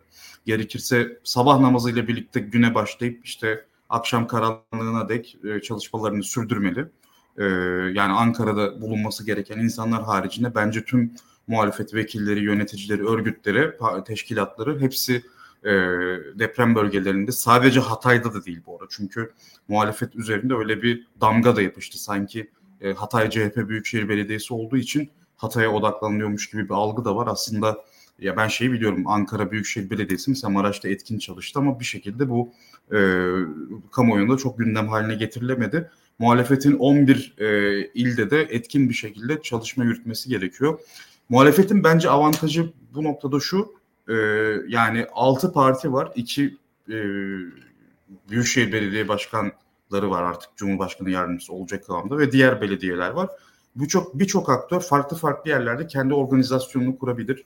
Yani bu sürdürülmeli bence seçim e, çünkü Tayyip Erdoğan belli ki deprem yaralarını sarma üzerinden bir e, seçim kampanyası yapacak. E, bu çok değerli ve şu da e, dikkat çekici yani İmamoğlu ve Yavaş'ın oyuna dahil olmasıyla birlikte aslında İstanbul ve Ankara deprem için çok önemli kentler. İstanbul zaten e, beklenen Marmara depreminden ötürü önemli. E, İBB'nin bu konuda gerekirse Avrupa Birliği gibi kurumlardan hızlı şekilde fon alarak e, büyük projeleri hayata geçirebilmesi en azından e, başlatması önemli ya da anlaşması önemli.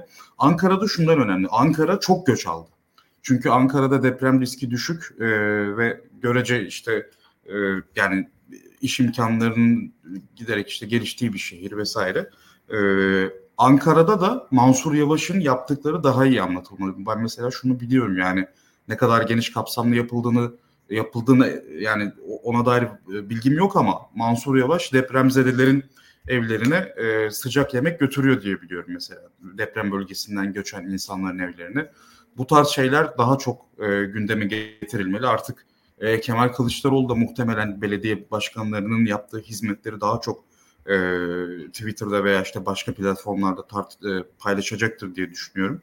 E, yani yaraları sarma konusunda aslında e, rekabet içine girmeli. Bu yani Türk insanı için önemli. Sonuçta iktidar otoriter olsa da ortalıkta bir afet olduğu için o afetin yaralarını sarmak durumunda burada kazanacak olan vatandaş olacak. Bu hizmet konusunda, projeler konusunda Enes'in de anlattığı üzere ben muhalefetin yaraları sarma stratejisiyle hareket etmesi gerektiğini düşünüyorum. Akşener konusunda da ben seçimi 70 gün kalmışken seçmen tercihlerinin çok radikal şekilde değişeceğini düşünmüyorum. Ee, belki masa dışında kalsa kendine biraz daha farklı bir yol çizse e, bir yandan CHP'ye oy kaptırırken diğer yandan da AK Parti, MHP ve kararsızlardan oy alabilirdi.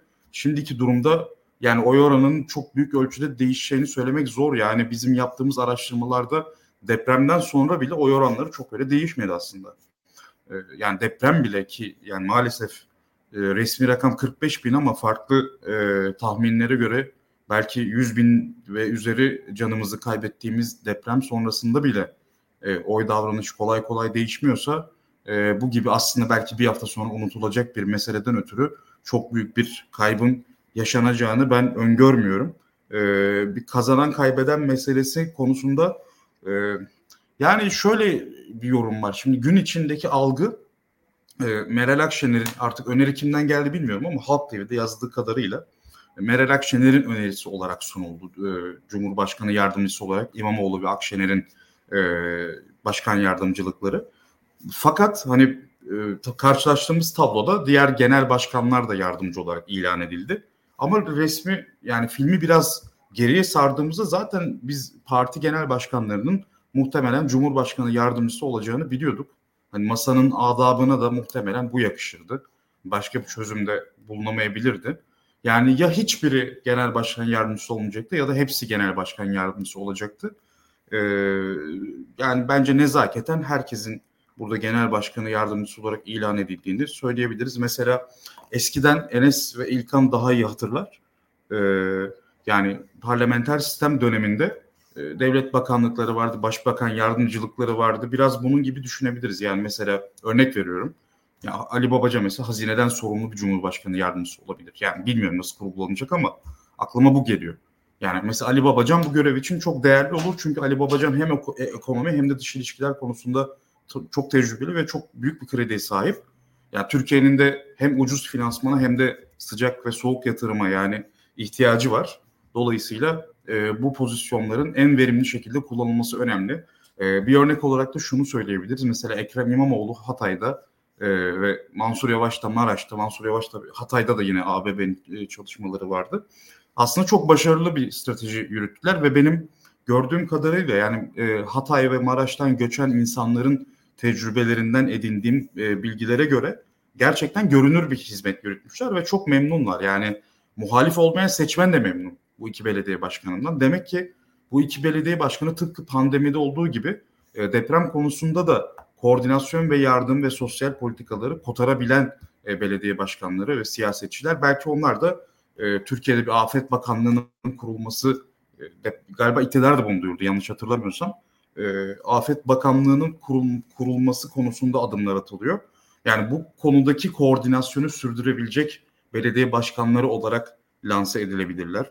Yani böyle kişilerin ve partilerin farklı uzmanlık alanlarında değerlendirilebileceği bir ortam var. Yani bunu bir iktidar medyası şöyle sunacak tabii ki işte koalisyon. Zaten koalisyon kelimesini kirli bir şey olarak e, lanse ediyorlar.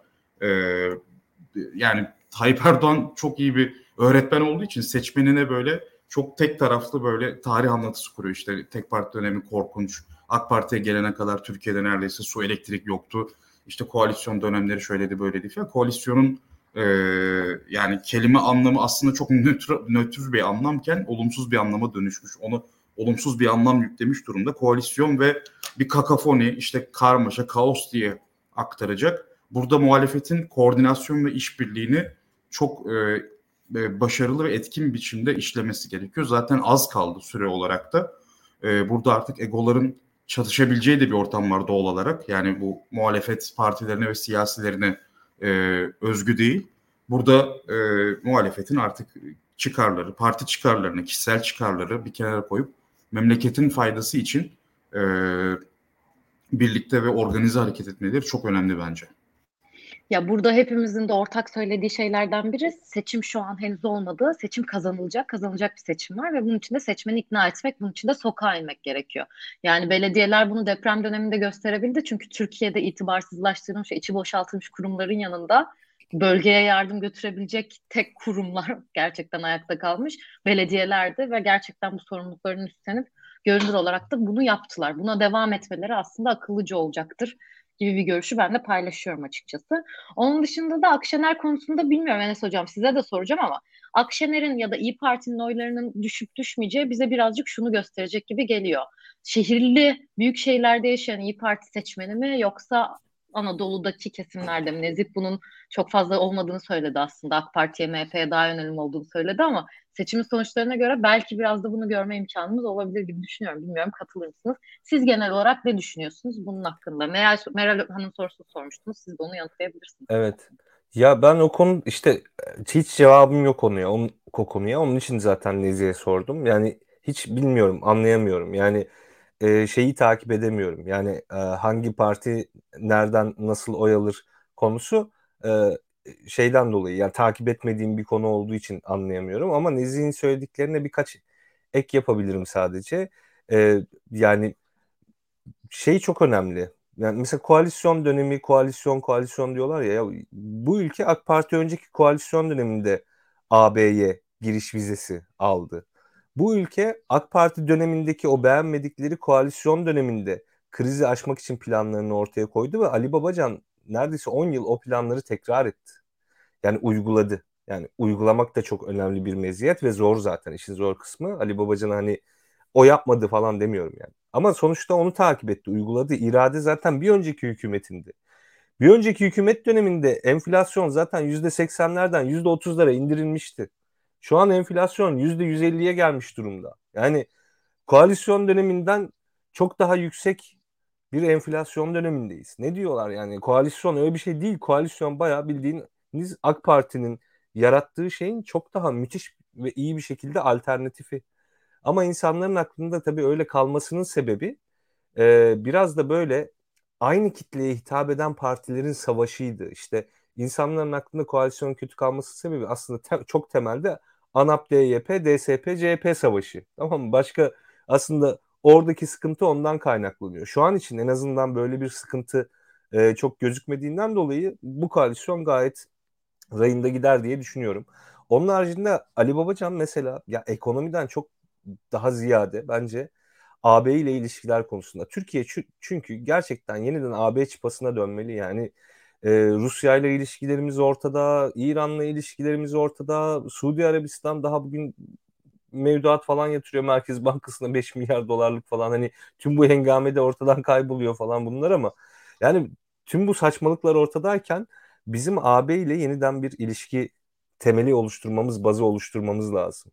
Yani o bazda mesela Ali Babacan çok işe yarar. Yani işin bu ekonomi yatırım kısmındaysa mesela çok ya yani İyi Parti'de müthiş bir insan var mesela Bilge Yılmaz. Ya dünyanın en büyük yatırım fonlarının yöneticisi zaten bu adamın öğrencisi yani.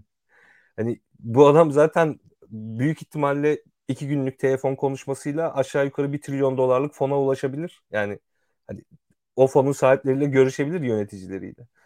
Ee, işin hakikaten uluslararası ilişkiler kısmında vesaire yani isimleri de geçelim, görevleri de geçelim. Elimizde müthiş bir zenginlik var.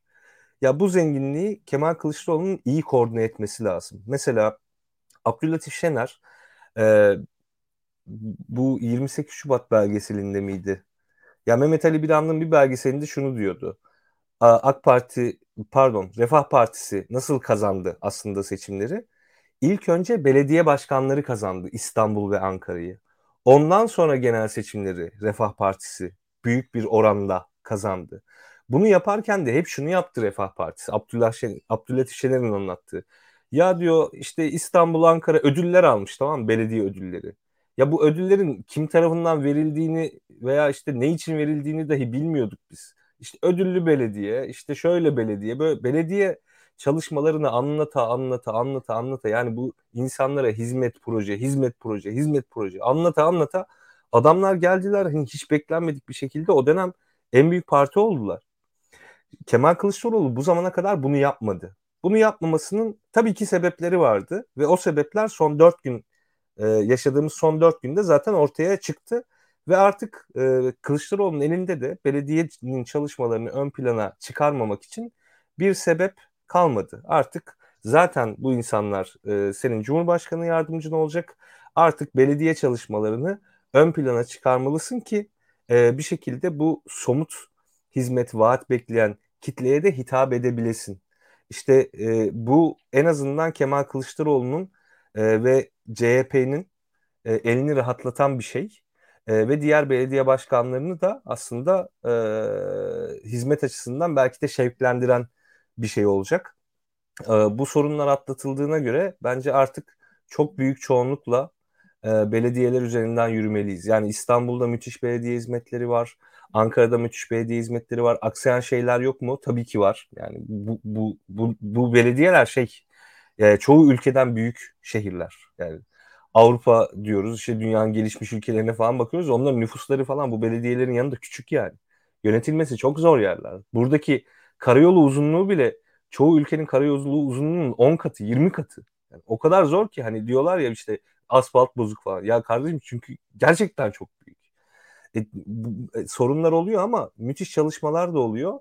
E, artık Kemal Kılıçdaroğlu da aday olduğuna göre ve bu belediye başkanlarının adaylık için ön plana çıkma durumu ve sorunu ortadan kalktığına göre belediye çalışmalarını daha ön plana çıkartacağını ben düşünüyorum. Bunun da hepimiz için çok hayırlı olacağı kanaatindeyim. Aynen öyle. Çalışmak ve çalıştığını gerçekten millete göstermek, neler yapabileceğini kanıtlamak üzerine elde olan belediyeleri çok aktif kullanmak da şey, bunu da çok güzel özetlediniz. Gerçekten tarihsel süreçte de bir örneği var. şu andaki Refah Partisi'nin ya da Refah Partisi'nin başarısının ya da AK Parti'nin geçmişinin belediyeden geldiği, belediyeyi kazandıktan sonra olduğunu söyleyebiliriz. Peki Barış, sen bu şey hakkında ne söylemek istersin? Önümüzdeki günlerde süreçte bizi bekleyen en zor şey sence ne? Şimdi en zor şey tabii ki ortak liste tartışmaları olacak. Ee, ortak liste yapılmak zorunda. Ee, bunun bir tartışmaya açık bir şey değil bu. Hani çok bir basit bir matematik. Ee, ve umarız bu olumlu hava ve e, ne diyelim belediye başkanlarının artık mediator olarak işlerin içine girmesi ortak liste konusunda da yardımcı olur muhalefete. İkinci bir durum da şu e, şimdi ortak listeyle birlikte bugün açıklanan basına dağıtılan metine bir detay daha var. O da bakanlıkların milletvekili sayısına göre e, dağıtılacağını söylüyor. Yani oy oranına değil milletvekili sayısına göre. Yani bu da şu demek aslında siz e, vekil ortak listeyi yaparken bakanlıkları da aşağı yukarı belirlemiş olacaksınız gibi bir durum olacak. Çünkü e, ortak listenin yapıldığı durumda 3 aşağı 5 yukarı nereden kaç vekil çıkaracağını, kaçıncı sıradan e, kaçıncı sıradaki e, kişinin az çok seçilebilir seçilemez olacağını görmüş olacak. Bu da ister istemez yine siyasetin doğası gereği bir e, tartışmaya, tavize, bir yerde bir şey alıp bir yerde bir şey vermeye dönecek.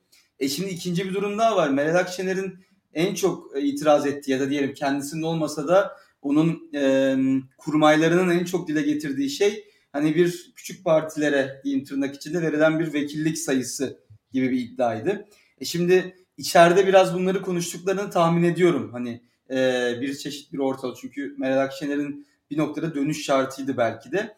Hani bir prensip kararı olarak ortada buluşabildiğini görüyorum şu an e, bu konuyu ilerletmek için ama yine de liste yapım sürecinde e, ortaya çıkabilecek sorunlara karşı da çok dikkatli olmamız lazım. İki, e, şunu da farkında olalım buradan yayın vesilesiyle hem bütün dinleyicilerimize hem de sonradan dinleyenlere söyleyelim. Yani şu an bu gece çok mutluyuz çünkü çok zor bir işi açtık. Çok doğru ama Cumhur İttifakı'nın ne doğrudan ne dolaylı olarak e, ellerindeki silahları kullanmaktan çekinmeyecekler. Hani bunu somut olarak söylemiyorum ama ellerindeki tool'ları yine bizi bölmek için olabilir. E, yine seçimi daha e, ne diyelim partizan bir şekilde kazanmak için devlet kaynaklarının kolluk kuvvetlerinin iyice hukuksuzluklar bağlamında çığırından çıkması için bunlar yapılacak. Çünkü ortada çökmek üzere olan büyük bir düzen var. Bu düzenin bağlı olduğu milyarlarca yıllık ağlar var, onlar var, bunlar var. Bunların kaybedecek çok şeyi olan insanlar var, şirketler var. Dolayısıyla çok şey deneyecekler. Buna karşı da hazırlıklı olmamız gerekiyor, sahada olmamız gerekiyor. Ee, bu iki e, şimdi ortak listeyle ilgili olarak özellikle Nezih herhalde bir şeyler söylemek ister ama üç biraz da böyle yarı informal şekilde söyleyeyim. Allah aşkına dostlar bu seçimi de bir an önce, bu sistemi de gerçekten bir an önce değiştirelim. Hani bir daha e, böyle bir süreç yaşamak istiyor musunuz bilmiyorum. 20 tane toplumun 20 fazla parçasını bir arada tutup bir e, bir şey yaratma şeyini ben bir daha yaşamak istemiyorum. Gerçekten şaka bir yana Türkiye gibi parçalı toplumlarda hani bunu zaten hayır kampanyasını yönetirken de söylüyorduk. Parlamenter sistem gibi sistemler çok daha ruhuna doğasına uygun oluyor.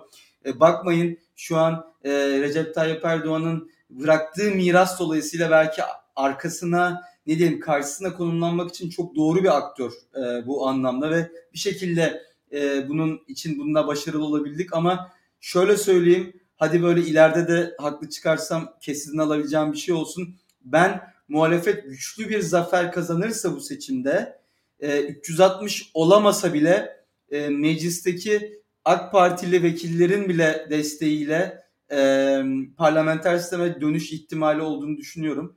E, bu tarz şeyler olduğunu düşünüyorum ama tabii ki hiç bu işin hani ne diyelim ekstra bir tahmini ama bizim için önemli olan şey e, 360'a ulaşmak ve bir an önce parlamenter sisteme dönmek. Çünkü karşınızda Recep Tayyip Erdoğan gibi bir e, ne diyelim çok fazla insanın ahını almış bir figür olmadıkça bu kadar kolay olmayabilir. E, bu tarz durumlarda üstesinden gelmek diyeyim ve e, Burada aslında sen çok güzel bir noktaya değindin. Ortak liste, ortak liste. İlkan burada en az 20 yayında tek tek nasıl ortak listenin her milletvekilinin hesaplanması gerektiğini, en önemli şeyin seçim sistemi olduğunu, değişen seçim sisteminden kimsenin konuşmadığını söylemekten dilinde tüy bitti. O yüzden inanıyorum ki ve eminim ki bu konuda da söyleyecek şeyleri vardır.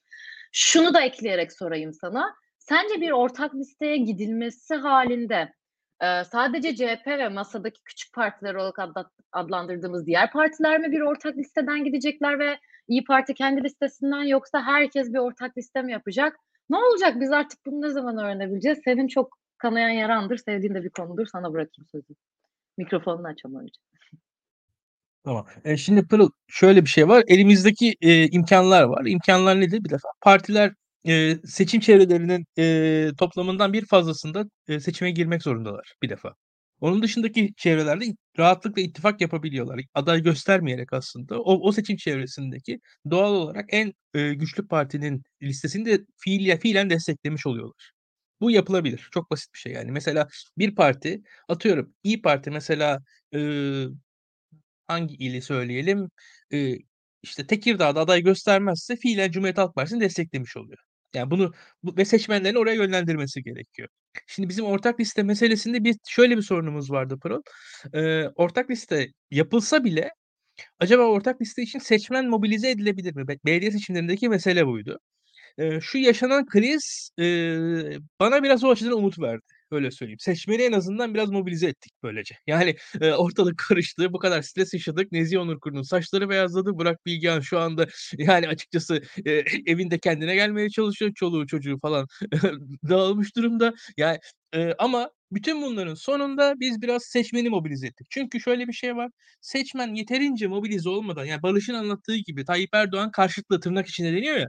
Ama o da yetmiyor. Bir de mobilize olmanız gerekiyor. Neden? Tayyip Erdoğan karşıtlığı mesela İstanbul'da ilk yerel seçimde de vardı. ikinci yerel seçimde de vardı. Ama ikinci seçimde bir 5 puan fark etti. Yani seçmenin mobilize olması bir 5 puan fark edebiliyor. Yani o yüzden de seçmen mobilizasyonuna ihtiyacımız var. O mobilizasyonun kazandırılması gerekiyor.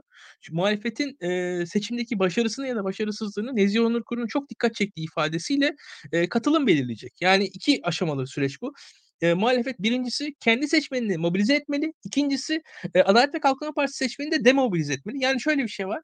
Türkiye'deki dindar insanlara karşı dışlayıcı söylemlerden uzak durmak gerekiyor. Temelde ayrıştırmacı ifadelerden uzak durmak gerekiyor. Tırnak içinde bazı işte sosyal medya mimleri falan var. Onlara biraz geri plan almak gerekiyor. Daha fazla mesela proje diyor işte Enes e, e, vaatler diyor Nezih Onur Kuru. Bunlar aslında biraz şeydir. Top, tüm toplumu kapsayacak şeylerdi. Biz mesela deprem bölgesine gidilsin dendi mesela. Deprem bölgesi çadırlarda kalınsın dendi. Bunlar mesela e, işte Adalet ve Kalkınma Partisi CHP'lisinin olmadığı şeylerdir. Bunlar üzerinden siyaset yapılırsa daha ziyade nispeten seçmenler en azından karşı taraftaki seçmenler de demobilize edilebilir bir şekilde en azından öfke size karşı e, kışkırtılmaz. E, bunun yanında da şu eklenir buna. E, kendi seçmeninizi de mobilize edersiniz. Kendi seçmeninizi nasıl mobilize edersiniz? Şu süreçte insanlar mobilize oldular. Ekrem İmamoğlu, Mansur Yavaş'ın varlıkları, bu yaşanan süreçler, gerginlikler, o öfke falan biraz bir mobilize etti. Bunun devam ettirilmesi lazım. Umut Umut çok önemli. İnsanlara umut verilmesi gerekiyor. Biz de açıkçası yani bize çok kişi kızdı. Ee, umutsuzluk pompalıyorlar diye açıkçası. Ee, ya ben burada şunu biliyorum. E, insanlar kazanmak istiyorlardı yani teknik olarak. Ben bu insanları tanıyorum. Ee, mesele mesele de oydu. Ee, yani başka bir motivasyonla bunlar söylenmiyordu. Yoksa o, o motivasyonu bildikten sonra karşı, karşınızdakinin sözlerini biraz öyle değerlendirin diye de ekleyeyim. Ee, tüm arkadaşlarım için de bunu burada söylemem lazım. Yani beni ayırıyor insanlar. Ben bir yandan seviniyorum ama bir yandan da tanıyorum o insanları. O insanlar öyle e, o sizin zannettiğiniz insanlar değiller. Bunu da buradan tüm arkadaşlarıma, tüm izleyicilerime söyleyeyim. Ya açıkçası biraz utanıyorum. Yani orada böyle Nezih Onur Kuru şöyle İlkan böyle diye yazılıyor. Yani hakikaten utanıyorum. Ben bu insanlarla arkadaşım yani böyle bunları görüyorum bu insanları. Çok da beni üzüyor bunlar. Onları da ekleyeyim.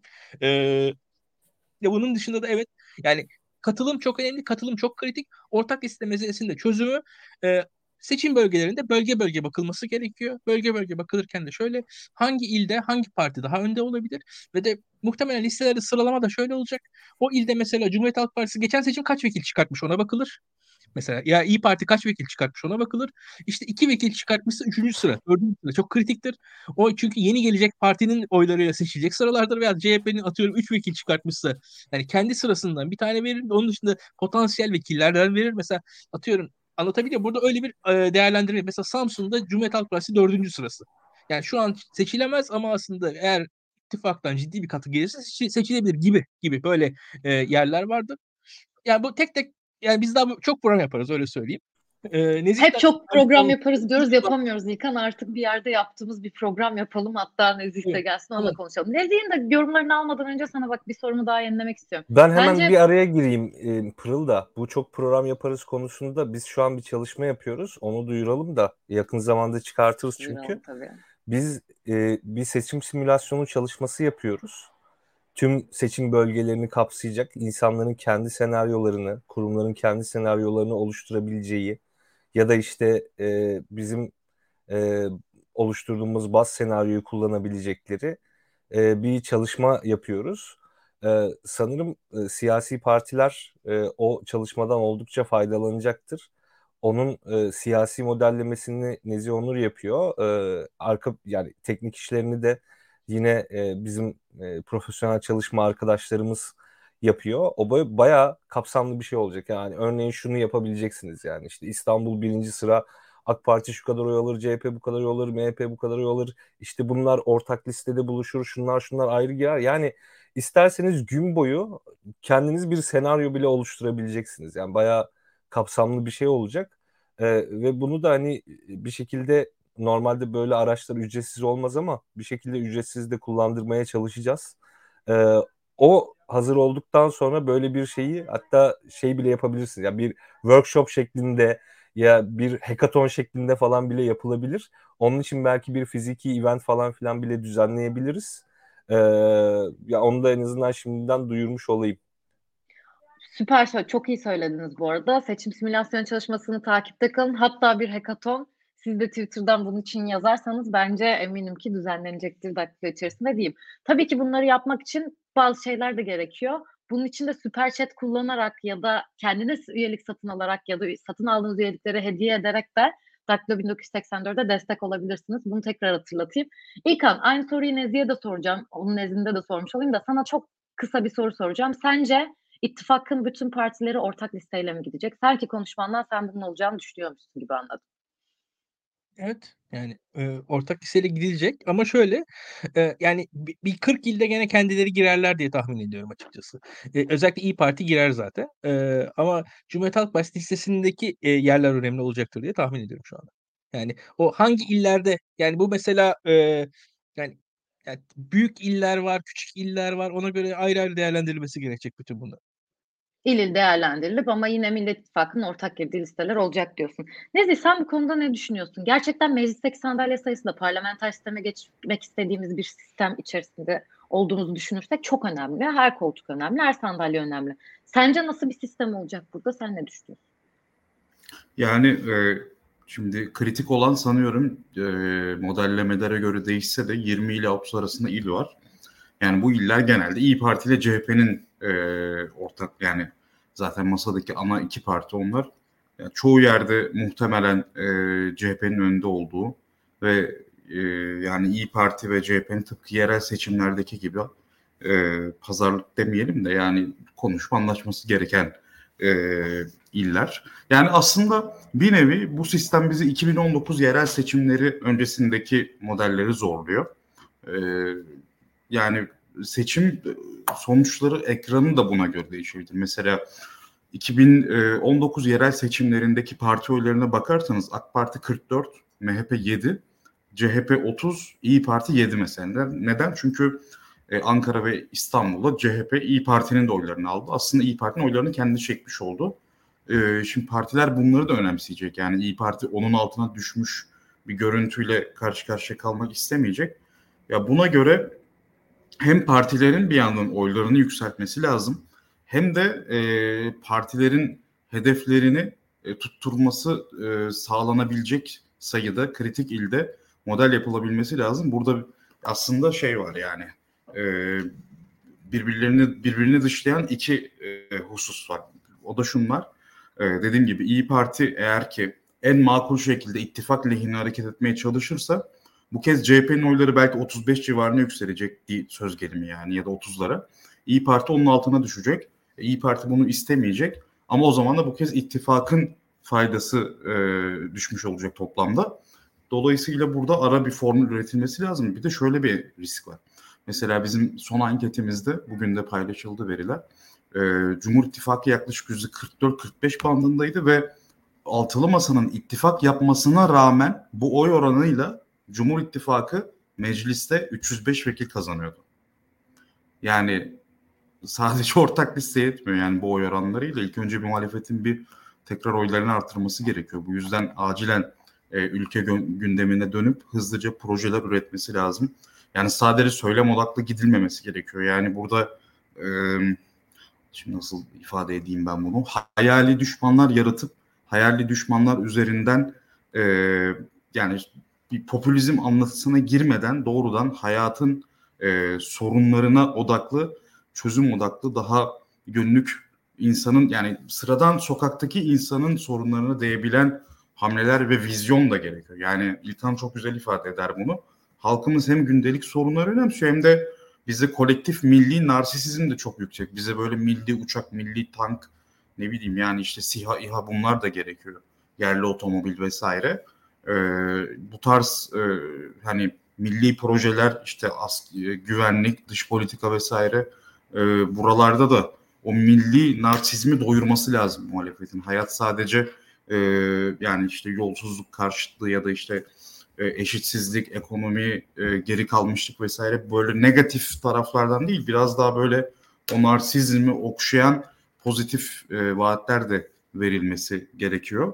E, umarım daha merkezci bir söylemle yani ideolojik olarak sola tamamen sıkışmayan hani burada e, liberal e, sos, sosyalist veya liberal kamplar arasında bir şey söylemiyorum. Yani sol seçmenin sadece sol seçmenin benimsediği, çok sevdiği meseleler değil daha böyle apolitik, daha merkezde duran, kendi ideolojik olarak konumlandırmayan, seçmenlerin de hayatına dokunan, herkesi kapsayan, herkesi kuşatan söylem ve vaatler gerekiyor. Ayrıca ben Kemal Kılıçdaroğlu'nun helalleşme hamlesinin çok mantıklı olduğunu düşünüyorum. Onun içinin yeniden doldurulup bir şekilde tekrar dolaşıma sokulması gerektiğini de e, düşünüyorum. Çünkü dindar seçmenlerde hala beklenen çözülme gerçekleşmedi. Orada birçok e, e, şey var, kesişim kümesi var. Mesela dindar ama kadın, dindar ama genç, dindar ama Kürt, işte dindar ama eğitimli vesaire böyle aslında muhalefetin ulaşabileceği kesişim kümelerinde yer alan dindarlar var ve Türkiye çok dindar bir ülke hala. Hani bu dindarlığı şey gibi algılamayın böyle illa ki tüm dini kurallara uymak değil. Ee, yani dini bir şekilde dine inanmak ve dini kurallara uygulamanın e, gerekli olduğunu hissetmek, onu yapmaya çalışmak gibi düşün. Türkiye'nin en az yüzde sekseni dindar. E, dindarlık önemli Türkiye'de. Muhafazakarlıktan bahsetmiyorum. Yani hani bu seküler muhafazakar kamplara ayırıyoruz, ayırıyoruz ya bundan değil, bundan bahsetmiyorum. Türkiye'de e, ciddi bir dini değerler ve gelenek sevilen şeyler. Öyle yaşanmasa bile insanların anne babaları dindar oluyor. işte eşleri dindar olabiliyor, akrabaları dindar olabiliyor. Bu hassasiyete dikkat etmek gerekiyor ben helalleşmenin hem dindar seçmen hem de Kürtlerde e, etki yarattığını gördüm. Kemal Kılıçdaroğlu da burada büyük bir kredi topladı hem elitler nezdinde hem de e, bu tarz aslında muhalefete yakınlaşabilecek muhalefetin e, yani muhalefete kulağını açmış e, kararsız seçmen, eşikteki Cumhur İttifakı seçmenleri veya muhalefetle kararsızlık arasında gelip gelen seçmenlere hitap etmek için çok daha yeniden kapsayıcı bir dile ihtiyaç duyduğunu düşünüyorum e, Kemal Kılıçdaroğlu. Zaten e, Cumhurbaşkanlığı yardımcıları da çok farklı farklı siyasi geleneklerden olacaklar. İlla ki hepsi farklı gruplara hitap edebilecekler. Ama Ekrem İmamoğlu ve Mansur Yavaş gibi e, toplumu birleştiren e, figürlerin de e, tabloda olması çok değerli. Ya ben muhalefeti şanslı görüyorum bu açıdan. Gerçekten büyük bir zenginlik var Enes'in belirttiği üzere. E, umarım Kemal Kılıçdaroğlu e, yani aslında kendisine başarı getirmiş olan söylemleri tekrar hayata geçirmeyi ve sadece e, bir cenahın seveceği e, ve çok yükseleceği söylemlerden uzaklaşıp daha merkezi yani biraz Burak Bilgehan Özpek stili bir konuşma oluyor da böyle gündelik apolitik insana odaklı e, siyasi hareket etme hani böyle o biraz apolitik seçmeni kutsuyor bazen Burak Hoca ben ona çok katılmıyorum. Hem sol hem de merkez seçmeni birleştiren sağ seçmeni de ürkütmeyen e, bir söylem ve politika seti gerekiyor. Adam yayına gelmedi diye yedirmeyiz Yokken biraz saldırayım. Valla bence sana katılıyorum ama söylediğim politika söylemini bulmak gerçekten büyük bir siyaset işi de gerektiriyor. Umarım bulabilirler. Bilmiyorum helalleşme söyleme bu dediklerin hepsini kapsayan ve karşılığı olacak bir şey olur mu? Dediğin gibi bütün sondaki cümlelerini kapsayan ama gerçekten muhalefetin işi hala zor. Bugün heyecanlı bir durumdaydık ama hala zor bir yolda olduğunu söyleyebiliriz sanırım. Ben öyle bir şey çıkarımda bulundum sen konuştuktan sonra. Enes Hocam son olarak sizin bu ortak liste ya da meclisle alakalı söylemek istediğiniz bir şey var mıdır? Yani Nezih'in söylediklerine ek olarak sadece şeyi söyleyebilirim. Ee, ortak liste belki şu açıdan e, hani biraz zor işte e, Deva'nın ilk hakikaten seçimi, Gelecek Partisi'nin ilk seçimi, e, Demokrat Parti'nin tabii bir iddiası var mı hani %10'u bulmakla ilgili bilmiyorum ama en azından Deva ve Gelecek Partisi hani kendisi parti olarak seçime girmiş olmak isteyecek.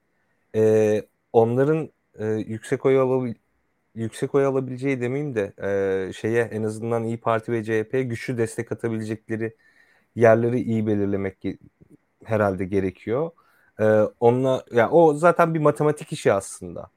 E, ama bu matematiği kurmak için varsayımlarınızın düzgün olması lazım. Varsayımlarınızın düzgün olması için de hakikaten çok güçlü bir anket e, mekanizması kurmanız lazım. Yani tek şirketten değil, tek yöntemle değil hem işte bu kati dediğimiz işte telefon destekli şeyler hem izde, hem işte yüz yüze e, yapılan anketler.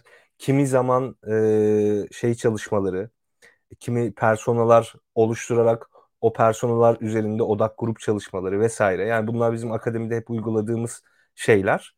E, oy verme davranışı da yani ben tüketici davranışları üzerine yatırımcı davranışları üzerine çalıştığım için bunları uyguluyoruz oy verme davranışı da sonuçta bir davranış biçimi ve belli psikolojik kalıpları vesaire içerdiği için sadece işte belli açıdan varsayımları veya ölçülme metodolojisi farklı olabilir.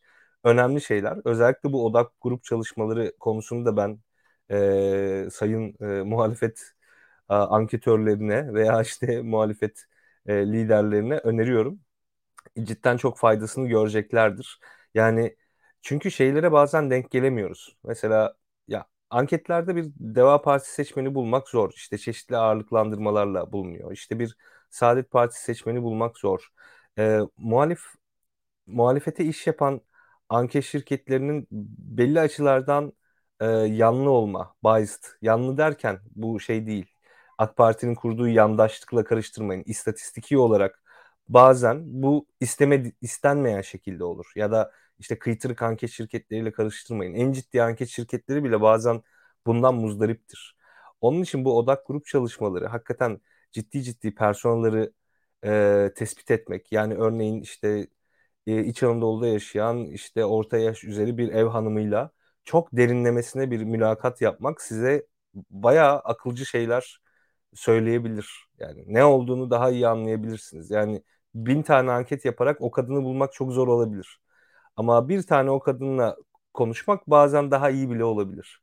E, bu süreç içerisinde az da zaman kaldı. Hani hızlıca birçok e, insanı, birçok şirketi, birçok kurumu devreye sokup e, gelecek olan e, partilere maddi yardımın önemli kısmını burada harcayıp ondan sonra ortak liste yapımına geçmeleri. Bunun için de belki ortak bir komisyon kurulur. E, önemli olabilir. Ee, orada tabii bir diğer ikinci konu konumuz değil ama çok kısa değineyim. Seçim güvenliği konusu. Ee, maalesef e, Muharrem İnce'nin iddiaları ama gerçek olduğunu anlayabiliyoruz. Ee, bu CHP'nin seçim güvenliği sistemiyle ilgili bazı sıkıntılar var. Ee, Türkiye'de çok ciddi miktarda e, müşahit gönderilemeyen e, şeyler var. E, ne derler? E, sandıklar var. Ve Türkiye'de daha önce yapılmış bazı çalışmalar da var buna ilişkin. İşte bazı altın sandık de, denilen işte aslında Türkiye seçmenini iyi bir şekilde yansıtan e, çeşitli e, yöntemler falan var. Tüm bunların birbirine meczedilerek, harmanlanarak bir seçim güvenliği çalışması da yapılması lazım. Onun için işimiz çok yani. Zaten hani eski defterleri açmak istemiyorum ama hani eski defter oldu diyelim. Ya şu tartışmalar, şu aday konuşmaları falan çok daha önceden biz yapılmalı derken sürekli bize işte ya aday ne olacak? Her zaman açıklanır. İşte anayasa taslağı yapalım. İşte ortak politikalar mutabakat metni yapalım. dedikçe biz hayır aday konuşun ortak liste konuşun. Çünkü seçim güvenliği konusu var. E, bu ortak liste için çok gelişmiş simülasyonlar falan filan kullanmanız lazım bunların hepsinin yaratılması oluşturulması uzun süreç alacak e, diyorduk ama orada böyle ya işte sen demokrat değil misin sen işte şu musun bu musun falan filan gibi şeyler söyleniyordu. E şimdi hani çok sıkıştık anladın mı? Yani seçim güvenliği konusunda sıkıştık, ortak liste konusunda sıkıştık. E yani işte Nezih Onur şey anketör yani anketör diyorum. en azından şeyde lisans döneminde kesin anketörlük yapmıştır hepimiz gibi de. Ya bir anket şirketinde analist, araştırmacı, araştırma tasarımcısı. Ya kolay değil ya hani şu an böyle birçok şeyi ölçmek o kadar zor ki ve o kadar farklı yönlerden bakmanız lazım ki. O kadar sıkıştı ki yani her şey. Onun için e, şey gibi e, Necati Şaşmaz'ın dediği gibi hani e, acele değil ama çabuk çabuk bir şeyler yapmamız lazım. O Gezi Parkı olaylarından sonra Necati Şaşmaz'ı çağırmıştı ya Tayyip Erdoğan e, gençlerle barışmak için Necati Şaşmaz'ın elçi olduğu bir toplantı vardı. Orada üzerimize işte kedi gözü gibi bir göz var falan filan diyordu. Sonra da şey diyordu. Bir şeyler yapmalıyız. Acele değil ama çabuk çabuk işte tam olarak Üstad Necati Şaşmaz'ın dediği gibi çabuk çabuk bir şeyler yapmalıyız. Yani dediğiniz gibi seçim güvenliği gerçekten çok kritik bir konu. Hele ki 11 şehir afet bölgesi olmuşken o bölgelerdeki seçim güvenliği çok daha kritik ve çok daha önemli bir konu diye düşünüyorum. Ki oradaki seçmen listelerinin ne olacağı şu anda belirsiz. Yani hadi bugünkü Cumhurbaşkanı kabine toplantısından sonra hele bir seçimi ilan edelim 10 Mart'ta. Ondan sonra YSK bunlara çalışacak hepsine seçmen listelerine falan gibi bir söylemde bulundu Cumhurbaşkanı. Bakalım o günlerde neyi bekliyor? Yani bunlar çok fazla konuşmamız gereken şey var gerçekten. Son olarak eklemek istediğiniz, söylemek istediğiniz, konuşmak istediğiniz bir şey varsa ben onları alayım sizden. Yoksa da bugün bir buçuk saatte geçen bir yayın yaptık tabii ki gündem yoğunluğundan ötürü. Ufaktan kapatalım. İyi akşamlar dileyip gidelim derim. Ama son sözleriniz varsa tabii ki dinlemek istiyorum hepinizden. Hı hı. Ee, ben son söz olarak şunu söyleyeyim. Mesela YSK e, illerin vekil sayılarını belirledi. İllerin vekil sayılarını belirledikten sonra biliyorsunuz yılın başındaki ikametlerine göre belirlendi. Fakat deprem olduğu için deprem olan şehirlerden çok sayıda insan da başka şehirlere göç etti. Mesela bu göçle beraber olan e, vekil sayısı potansiyel değişiklikleri seçime yansımayacak. Yani ve ya buradan da göç edebilen insanlara edemeyen insanların siyasal olarak pozisyonlarının farkını falan düşünürseniz ne yazık ki başka şeyler de çıkıyor. Yani her şey aslında karşımızda da e, yani elindeki imkanları kullanan bir iktidar yapısı var. Bunu görelim, bunu bilelim. Bu iş kolay değil yani. Oradan Enes'in anlattığı şeyler çok doğru. Türkiye'de sandıkların yüzde onuna neredeyse muhalefetin hiç erişimi yok. Sandıkların yüzde yirmisine erişimi dolaylı yollardan. Yani kiralanan e, müşahitler e, yani günlük olarak bir para ücretle sizin tuttuğunuz insanlar tarafından yapılıyor neredeyse. Yani yüzde otuza muhalefetin tam bir erişimi yok sandıkları. Öyle söyleyebilirim bildiğim kadarıyla. E, yani bu açıdan baktığınız zaman yapılması gereken çok iş var. Yani e, yani Cumhuriyet Halk Partisi artı HDP'nin ulaştığı sandıkların ötesinde de bir e, hani 30 bin sandığa diyelim sandık başına 5 kişi gitse yani bir 150-200 bin kişiyi falan e, ekstradan organize etmesi gerekiyor muhalefetin seçime kadar olan 2 aylık sürede. Doğru söylüyorsun. Enes Hocam Nezih sizin var mıdır eklemek istediğiniz şunu da söylemeden gitmeyeyim dediğiniz herhangi bir şey? Teşekkür ederim. İyi akşamlar herkese. Sadece tek söyleyeceğim şey şu. Bundan sonra ekonomi konuşalım. Bol bol konuşalım. Daha fazla konuşalım tekrar ekonomi konuştuğumuz günlere, tekrar bu yayında da hep ekonomi konuşacağız dediğimiz günlere dönelim. Çok iyi dediniz. Çünkü en büyük sorunlarımızdan ikinci sorunumuz da ekonomidir. Nezih senin var mıdır söyleyeceğim bir şey son olarak? Kazanacağız. Çok güzel bitiş oldu. Ben bunun üstüne hiçbir şey demeden. Herkese iyi akşamlar dileyelim. Bu arada yorumlarını esirgemeyen herkese de çok teşekkür ederiz. Sizin yorumlarınız da zaten bu yayın daha dinamik bir hale geliyor. Herkese iyi akşamlar. Haftaya görüşmek üzere. Çıkmadan yayını beğenin.